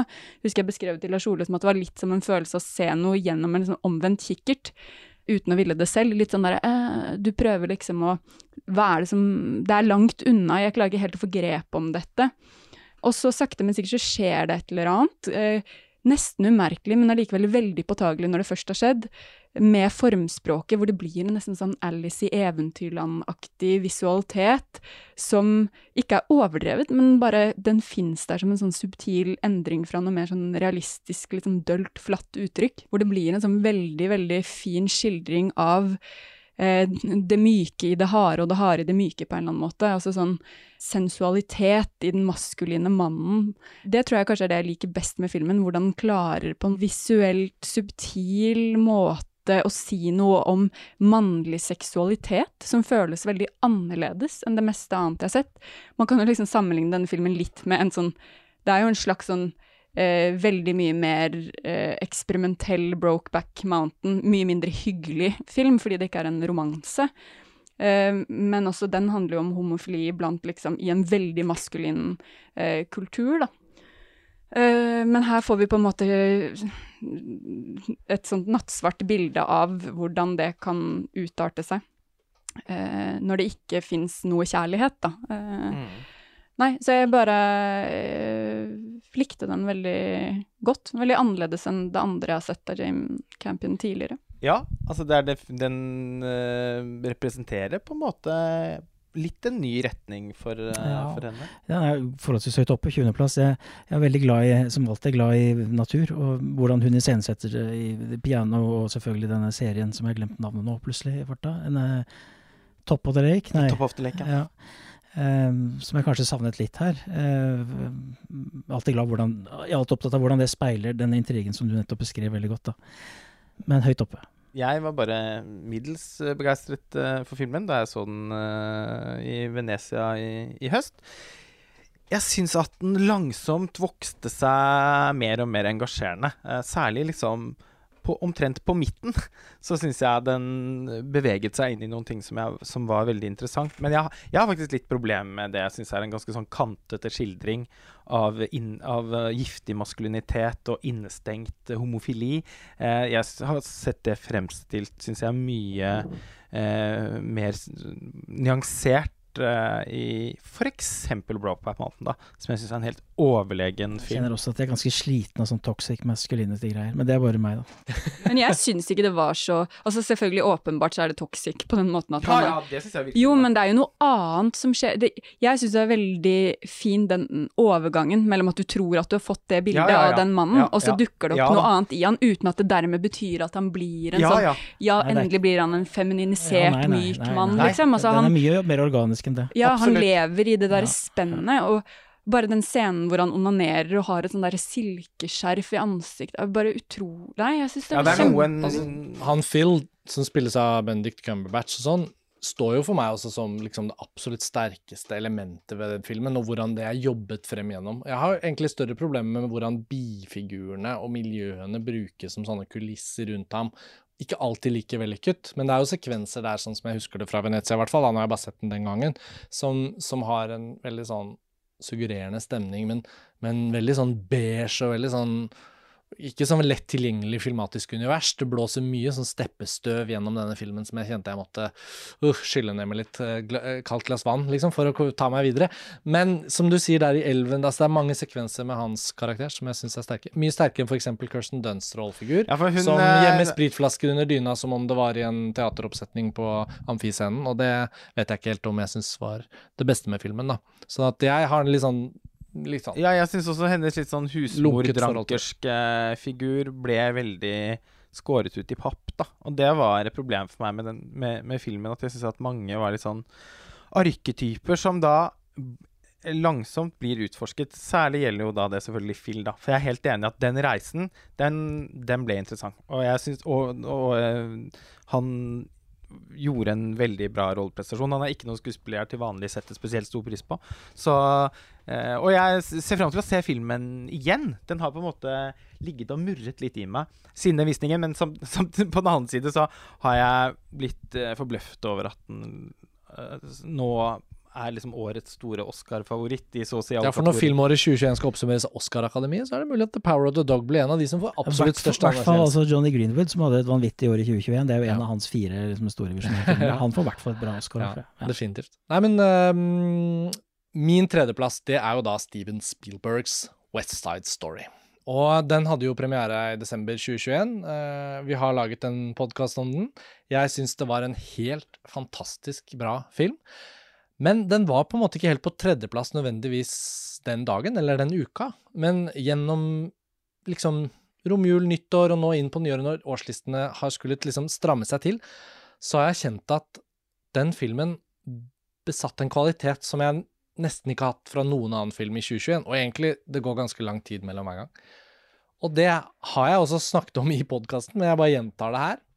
Det er et øyeblikk i den filmen, i musikalnummeret America, som jo selvfølgelig er kjent fra før av, fra både sceneversjonen og filmen fra 1961. I Spielbergs versjon så synges det da og danses seg fra en bygård ut på gaten, og idet hun Anita-rollefiguren i en sånn lysende sitrongul kjole spinner over asfalten og synger og stråler Kaminskis lys, Spielbergs kamerabevegelser, iscenesettelsen og alt, så fyltes øynene mine av tårer. Av ren sånn kinofilmlykke. Og jeg har ikke noe sånn, sånn smartass måte å forklare det noe videre på, men det alene, at det ingenting annet enn lys og bilde og bevegelse og musikk var i stand til å bare rett og slett Det, det bare rørte meg. Helt sånn bare kroppslig, og det Jeg måtte bare slå fast at det alene er god nok grunn. Og alle har hørt oss så mange ganger snakke om Spielbergs kvaliteter som filmskaper og sånn. Jeg trenger ikke si det enda en gang, men dere vet hva jeg mener. Og West Side Story, det øyeblikket pluss filmen som helhet, det ble så stort for meg at den måtte så høyt jeg klarte opp resten, og det ble tredjeplass. Helt fantastisk. Vi har jo laget en Ja. podkast om den. Men Tor Joakim, som mega-Spielberg-fan, hva er årsaken til at du Nei, liker eller ikke Det er et godt spørsmål. Jeg, jeg bare først kjenner veldig igjen den følelsen du beskriver. Og vi har Mm. snakket om det før, f.eks. Mm. når vi så var det Bridge of Spies. Mm. Og følelsen av å se en gammel filmprofessor gjøre, gjøre film igjen. Det, bare det i seg selv er rørende, og det er litt av det du snakker om. Ja. Så vet jeg ikke helt hvorfor ikke denne slo an for meg. Den ligger vel på 40 et eller annet plass, eh, som er veldig uvanlig. Dette var et år hvor mine to store helter, Spielberg og Scott, skuffet litt. Scott med Last Duel og, og, og House of Gucci, og Spielberg med West Side Story. Jeg har tenkt og tenkt, hvorfor gjorde han ikke det? Har det noe med den voldsomme inderligheten? Men in den er jo en del av musikalverdenen, den skal jo være der. Så hvorfor, hvorfor i så tilfelle var det irriterende? Har det noe med, er det noen woke-aktige ting her som irriterte? Hva, hva, hva var det? Jeg har musikken på plate, den gamle Bernstein-skiva, eller altså den Broadway-musikalen, Mm, mm, så mm. den liker jeg jo. Mm. Um, og jeg liker iscenesettelsene. Så, jeg, så jeg, vet du hva jeg, det, det var en sånn instinktiv Ja. uh, følelse av noe som skurret litt. Så jeg, jeg tror ikke jeg skal begi meg ut på noe uh, forklaring akkurat her og nå, annet enn at den ikke gikk helt hjem, da. Og den var på din åttendeplass, Lars Ole, så den er jo på topp ti. Roska, den er jo på din må se-liste, mm. stemmer det? Ja. Ja. Så um, strengt tatt, så selv om det er min tredjeplass, så jeg gjerne skulle eh, bydd på en sånn voldsom indre personlig refleksjon om hvorfor, så er det egentlig så enkelt som det. Det ene øyeblikket, pluss alt vi snakker om i spesialpodkasten om filmen, det oppsummerer det for meg. Men eh, kino, altså. For det var det. Det hadde ikke vært det samme på noen annen form for flate. Det å ha det enorme bildet Jeg vet vi tar det for gitt på en måte, men aldri før har det vært mer aktuelt å være litt kinonostalgisk enn i akkurat den tiden vi er i nå. Den kraften, det er derfor. Og jeg følte West Side Story, Steven Spielberg, Janusz Kaminski, hele pakka der, det var det perfekte liksom eksempelet som lyste opp litt ekstra, da. Så det var min tredjeplass. Verdensmesterskap i Hollywood-filmskaping. ja, ja. Eh, andreplassen din, Lars Ole, var vi jo da Det er da Lille ja. mamma, som vi har Mhm. snakket om i så mange sammenhenger. Så jeg har ikke Mhm. noe mer å tilføye om den. Nei, Andreplassen min, det er Justice League, som vi så vidt sneiet innom, eller ble nevnt i hvert fall i stad. Min ytterst kompliserte Femteplass. Men veld, veldig overraskende fordi at jeg er eh, all superheroed out, og var ikke noe begeistra for 2017-versjonen av den. Og, mm, Nei, den er helt forferdelig. Nå er det vel nesten så den ikke fins lenger, Ja, fordi Zack det- Snyders eh, egen cut har jo fått en helt ny status. ja, ja fire timer. Altså, og det kan jo si at En ting er når historiefortellingen er blitt mer eh, konsis og elegant, men, men for meg så handler det jo om altså, stormannsgalskapen her, da, som jeg alltid elsker med Snyder. Det å presse inn hans kjennemerker, noe sånn, altså det blir sånne fagbegreper som speedramping og uh, snapzooms og sånn, skvises inn til et 4-3-format. Det blir veldig teknisk, men, men det er jo det det handler om. Og det finnes til og med ikke sant, en, en svart-hvitt versjon. og Eh, hvordan kan man ikke elske det? Altså, eh, Jean-Michel Jarre er en av mine favoritt-elektronikartister. Virkelig kjent for stormannsgalskapeshow. Og Snyder er på en måte filmekvivalenten her. Og det, det, det er bare å hengi seg til, da, tenker jeg. Og selv om det ikke er noen listefilm for meg, så kan jo jeg bare liksom applaudere at dere har funnet plass til den. For jeg syns jo også det var litt sånn rått å sitte og se denne Zack Snyders Justice League, som da er den offisielle versjonen fra nå i evig tid. Og jeg må innrømme at akkurat det du setter fingeren på nå, Tore Joakim, jeg satt jo også liksom så bort på Louise her, min samboer, og var sånn her Dette er jo helt utrolig, egentlig. Og hun hadde ikke noe forhold til den, at den hadde gått på kino først i en annen versjon. Så bare sånn, OK, så ok, dette var liksom Hvor lang er den? Nei, altså, det er jo helt uh, utrolig at denne filmen også da uh, er laget og lansert eh, direkte på strømming. Fordi en mer filmatisk virtuos superheltfilm har man jo ikke sett på år og dag. Derav plasseringen sammen med Malcolm Henry. Uh, jeg er jo mega Zack Snyder-fan, og begynte for alvor å bli bekymret eh, etter eh, Batman vs. Superman eh, Dawn of Justice, og da den første versjonen av Justice League, som var eh, en, altså nær sagt en kalkun. Og fikk en sånn følelse av at, at han at, at han hadde blitt korrumpert av studiosystemet på en eller annen måte, og nå kom til å bli en sånn leverandør av litt sånn sjelløse, eh, høyt budsjetterte eh, superheltfilmer i gud vet hvor mange år framover. Og så klasker han Justice League på bordet og bare sånn Ja, bare så dere vet det, det var dette som var min visjon. I Academy Ratio og med bildekomposisjoner som ser ut som tyske stumfilmer og Leni Riefenstahl. Og så er det sykt å tenke på da Tenk hvor mange av filmene som er blitt da chopped up i studioene, hvor filmskapere kanskje hadde noe så radikalt annerledes, men aldri har fått muligheten til å vise det, da. Det er Ridley Scott med 'Kingdom of Heaven' som fikk muligheten til å vise hva som egentlig Dette var er på meningen. det nivået. det er-. Jeg kan også være med på at det er på det nivået, selv om Kingdom of Heaven Ja da. Kingdom of Heaven Directors Cut er større film for meg. Ja, det, for Um, meg også, men, men- jeg syns bare Det var sånn at tårene trillet litt, altså, av, av filmglede og, og sånn gjenforeningsglede òg. Det var litt sånn Tore på sporet-øyeblikk der med meg og Zack Snyder. Men Zack Snyders 2021 var jo Zendaya-style ganske mettet, i og med at han også lagde Army of the Dead. Ja, som Eh, også det er kanskje ikke en listefilm, men Som også er uh, i nærheten av topp 20 for meg. Så, Er det såpass? Ja. Den er, er trygt inne på topp 20 for meg. er den det? Åh, Oh, ja. Jeg tror faktisk den er på topp 20 når jeg tenker etter. Nå tenkte jeg bare på den fordi det var fornøyelig. Vi lagde jo en episode om fortekstsekvensen den òg. i den filmen slår jo hele andre filmer fra 2020 Det var litt sånn lyst, lystbetont podkast vi lagde om den da den kom i Som først- jeg ikke deltok på. før sommeren. Nei, men den, det var en veldig morsom film å snakke om. Um, Så Zack Snyder er eh, tilbake, kan vi vel da slå fast. Eh, Nå har vi ikke anledning til å gå så dypt inn i hver listeplassering nå helt på slutten, men for de som fortsatt hører på, så er det jo helt åpenbart da at hvis man ikke har vært på HBO Max og sett denne firetimersversjonen, så er det åpenbart at den er noe å bruke tid på. Eller hva, Roskva?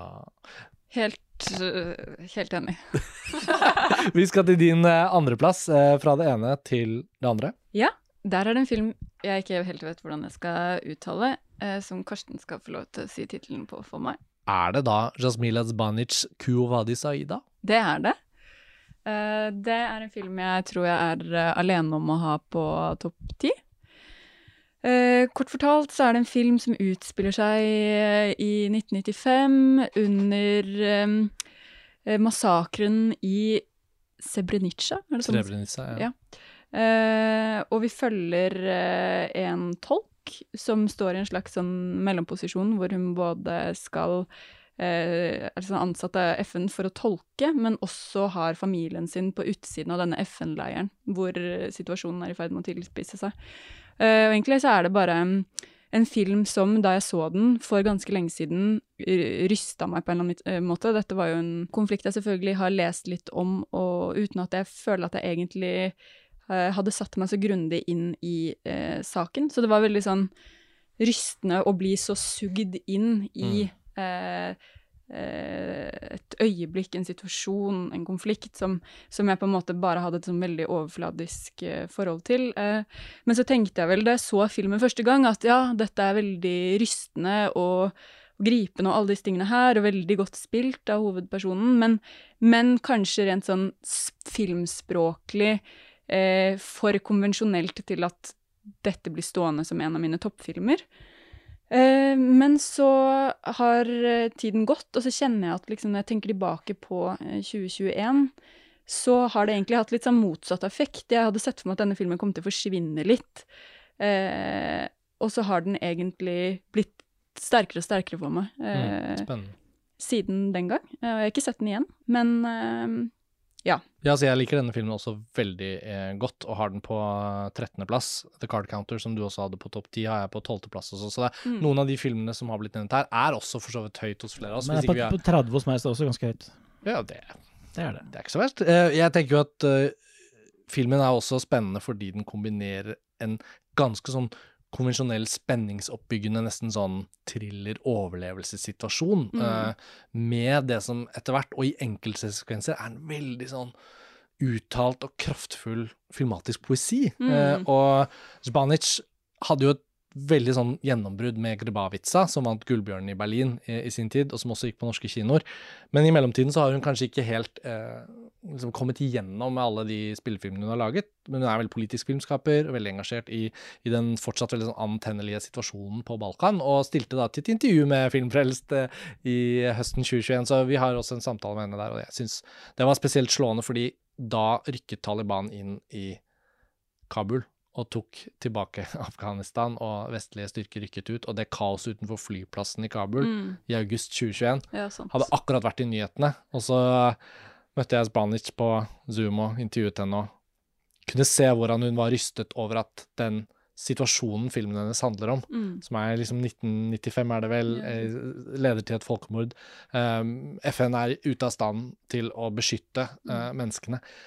Så var det plutselig i nyhetene igjen, og det er eksakt det samme. Og hun setter ord på hvor nedslående det er å ha jobbet med noe kunstnerisk, og, og skjønne gjennom research og arbeid og erfaringer og fortellinger at dette er et mønster som gjentar seg, og menneskeheten ser ikke ut til å være i stand til å ta opp i seg innsikten som gjør at man kan unngå sånne ubegripelige menneskelige tragedier. Og jeg syns den filmen har en så uh, sånn fantastisk sterk slutt. Altså grusom, men på en måte også vakker, fordi hun går liksom ikke, legger ikke noe imellom i hvordan hun setter opp det der lang, langsiktige perspektivet, da, når hovedpersonen er mye eldre og ser alle disse unge menneskene, og også gjenkjenner da ikke sant? Det er bare sånn uh. Ja, den, Så det eh, styrker filmen veldig å tenke Den på den. smalt, Mm. den mm. slutten. Mm. Jeg syns jo da også dette er en, en sånn opprivende, vanskelig film å se. Samtidig som den jo, som du påpeker, Karsten, har noen elementer av litt sånn konvensjonell spenning eh, Mm. over seg også. Så syns jeg hun er helt vanvittig god, hun som spiller hovedrollen. Hennes liksom tilstedeværelse eh, var jo mm, Altså filmens anker. Mm. Ja, og den derre utrolige kavinga, altså den hektiske stemningen hvor hun på en eller annen måte må holde maska og være en profesjonell, og Ja. samtidig som det føles som Som ikke bare hennes liv, men liksom tusenvis av menneskers liv står på spill, og hun vil beskytte sin nærmeste familie. Altså, det er noe heseblesende over den filmen som setter seg i kroppen når man ser på den, hvor Og- man liksom Hun må liksom spille et slags dobbeltspill for å forsøke å redde sin egen familie. Mm. Uh, og ja. Nei, men eh, jeg syns det er en veldig god film. Jeg skulle ønske at den var enda litt mer gjennomgående tydelig kunstnerisk behandlet. Mm. Uh, jeg syns den har noen sekvenser som er mesterlige. Altså et flashback i midten, og alt som har med slutten å gjøre. Av og til underveis så syns jeg det blir litt for mye sånn barter og kontor og skrivemaskiner og folk inn og ut av dører. Jeg, jeg, jeg syns ikke hun helt lykkes med å løse de sekvensene på en måte som er tilstrekkelig spennende eller suggererende til at filmen vokser enda mer for meg. Derav, derfor er den ikke helt der oppe for meg, men meget god. En ting jeg liker veldig godt med den, er som du nevnte, Karsten, at den har noen sånne veldig tydelige poetiske sekvenser. Både den du snakker om, Lars Ole, men også mot slutten hvor det er en sånn skoleforestilling Ja, ja, osv. det, det var den jeg tenkte på eh, som eh, fra slutten, da. Ja, og jeg syns det er veldig fint. Eh, Det er en sånn skoleforestilling hvor barna gjør en del sånne gester som mimer liksom å eh, ikke se og glemme, men også frykt.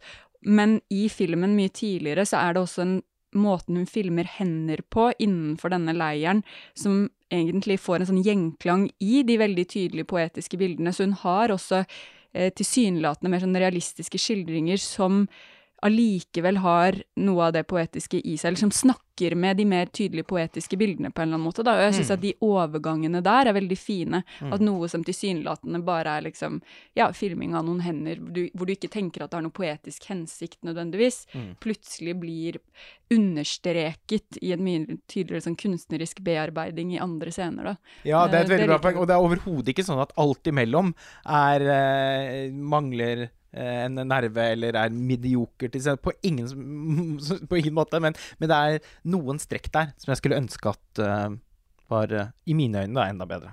Nei, men en av, en av de virkelig sterke filmene fra 2021, og inne på montasje, så kan man både lese Dag Søttholts visuelle analyse av filmen, og Nada Tosinovics essay. Så vi har ganske mye stoff på den også. Så en film å ta med seg videre. Og for de som da lytter som ikke har sett denne filmen, det gjelder jo for alt i den podkasten for det meste, så er det selvfølgelig, kommer det varmt anbefalt fra oss. Um, nå er vi så nærme slutten. Eh, Det er min andreplass. Det var 'Gritt og verdens verste menneske'. Delt plassering til det utrolige norske filmåret. De to snakket jo grundig om nå nettopp. Lars Ole, Ja, da er vi på din førsteplass. ja, og det er som kjent gritt. Nettopp. Og så, Tor Joakim, din førsteplass. Ja, det er en film som også vi har nevnt. Det er da selvfølgelig Dune. Dune. One. Ja, og den må jo få en liten runde hos deg, da. Eh, Lars Ole, vi snakket jo om den fra Venezia da vi så den der. Det er jo da en av de to store Hollywood-blockbusterne, på en måte. Hvis vi sier at West Side Story har fått ganske mange stemmer eh, i panelet, og Dune og Justice League, da. Ja, men det var jo min sånn, som du beskrev eh, West Side Story sa, det var min sånn opplevelse etter litt sånn traurige koronamåneder uten noen visjonære blockbustere. Altså, jeg var, jeg var jo litt, litt delt på Tenet, ikke sant, i motsetning til dere. Eh, Så for meg så var dette liksom det store comebacket til eh, deilige kinoopplevelser igjen. Og den skulle jo også hatt premiere i 2020, egentlig, og ble utsatt et helt Ja da, og det lå, lå jo lenge i kortene med Villeneuve, mytologisk science fiction, eh, Hans Zimmer Altså, den var jo kvalitetssikret på forhånd. Eh, og den innfridde jo. Men, men det er jo da selvfølgelig da mye man kunne snakket om. Vi har ikke tid til å gå inn i detaljer på den. Men for det første vil jeg si for to, to hovedargumenter at han klarer å eh, tilføre en form for eh, troverdighet eh, til noe som i utgangspunktet kan være litt sånn småcampy. Eh, altså, hadde det vært i noen andres hender, så kunne det fort blitt tåpelig. Eh, når, når, de eksempel Spices in ja, the desert. nei, men altså, jeg tenker på Man sånn. når, når, som keiserens utsendte kommer der i blafrende gevanter og, og skal eh, overlate denne krydderutvinningen til?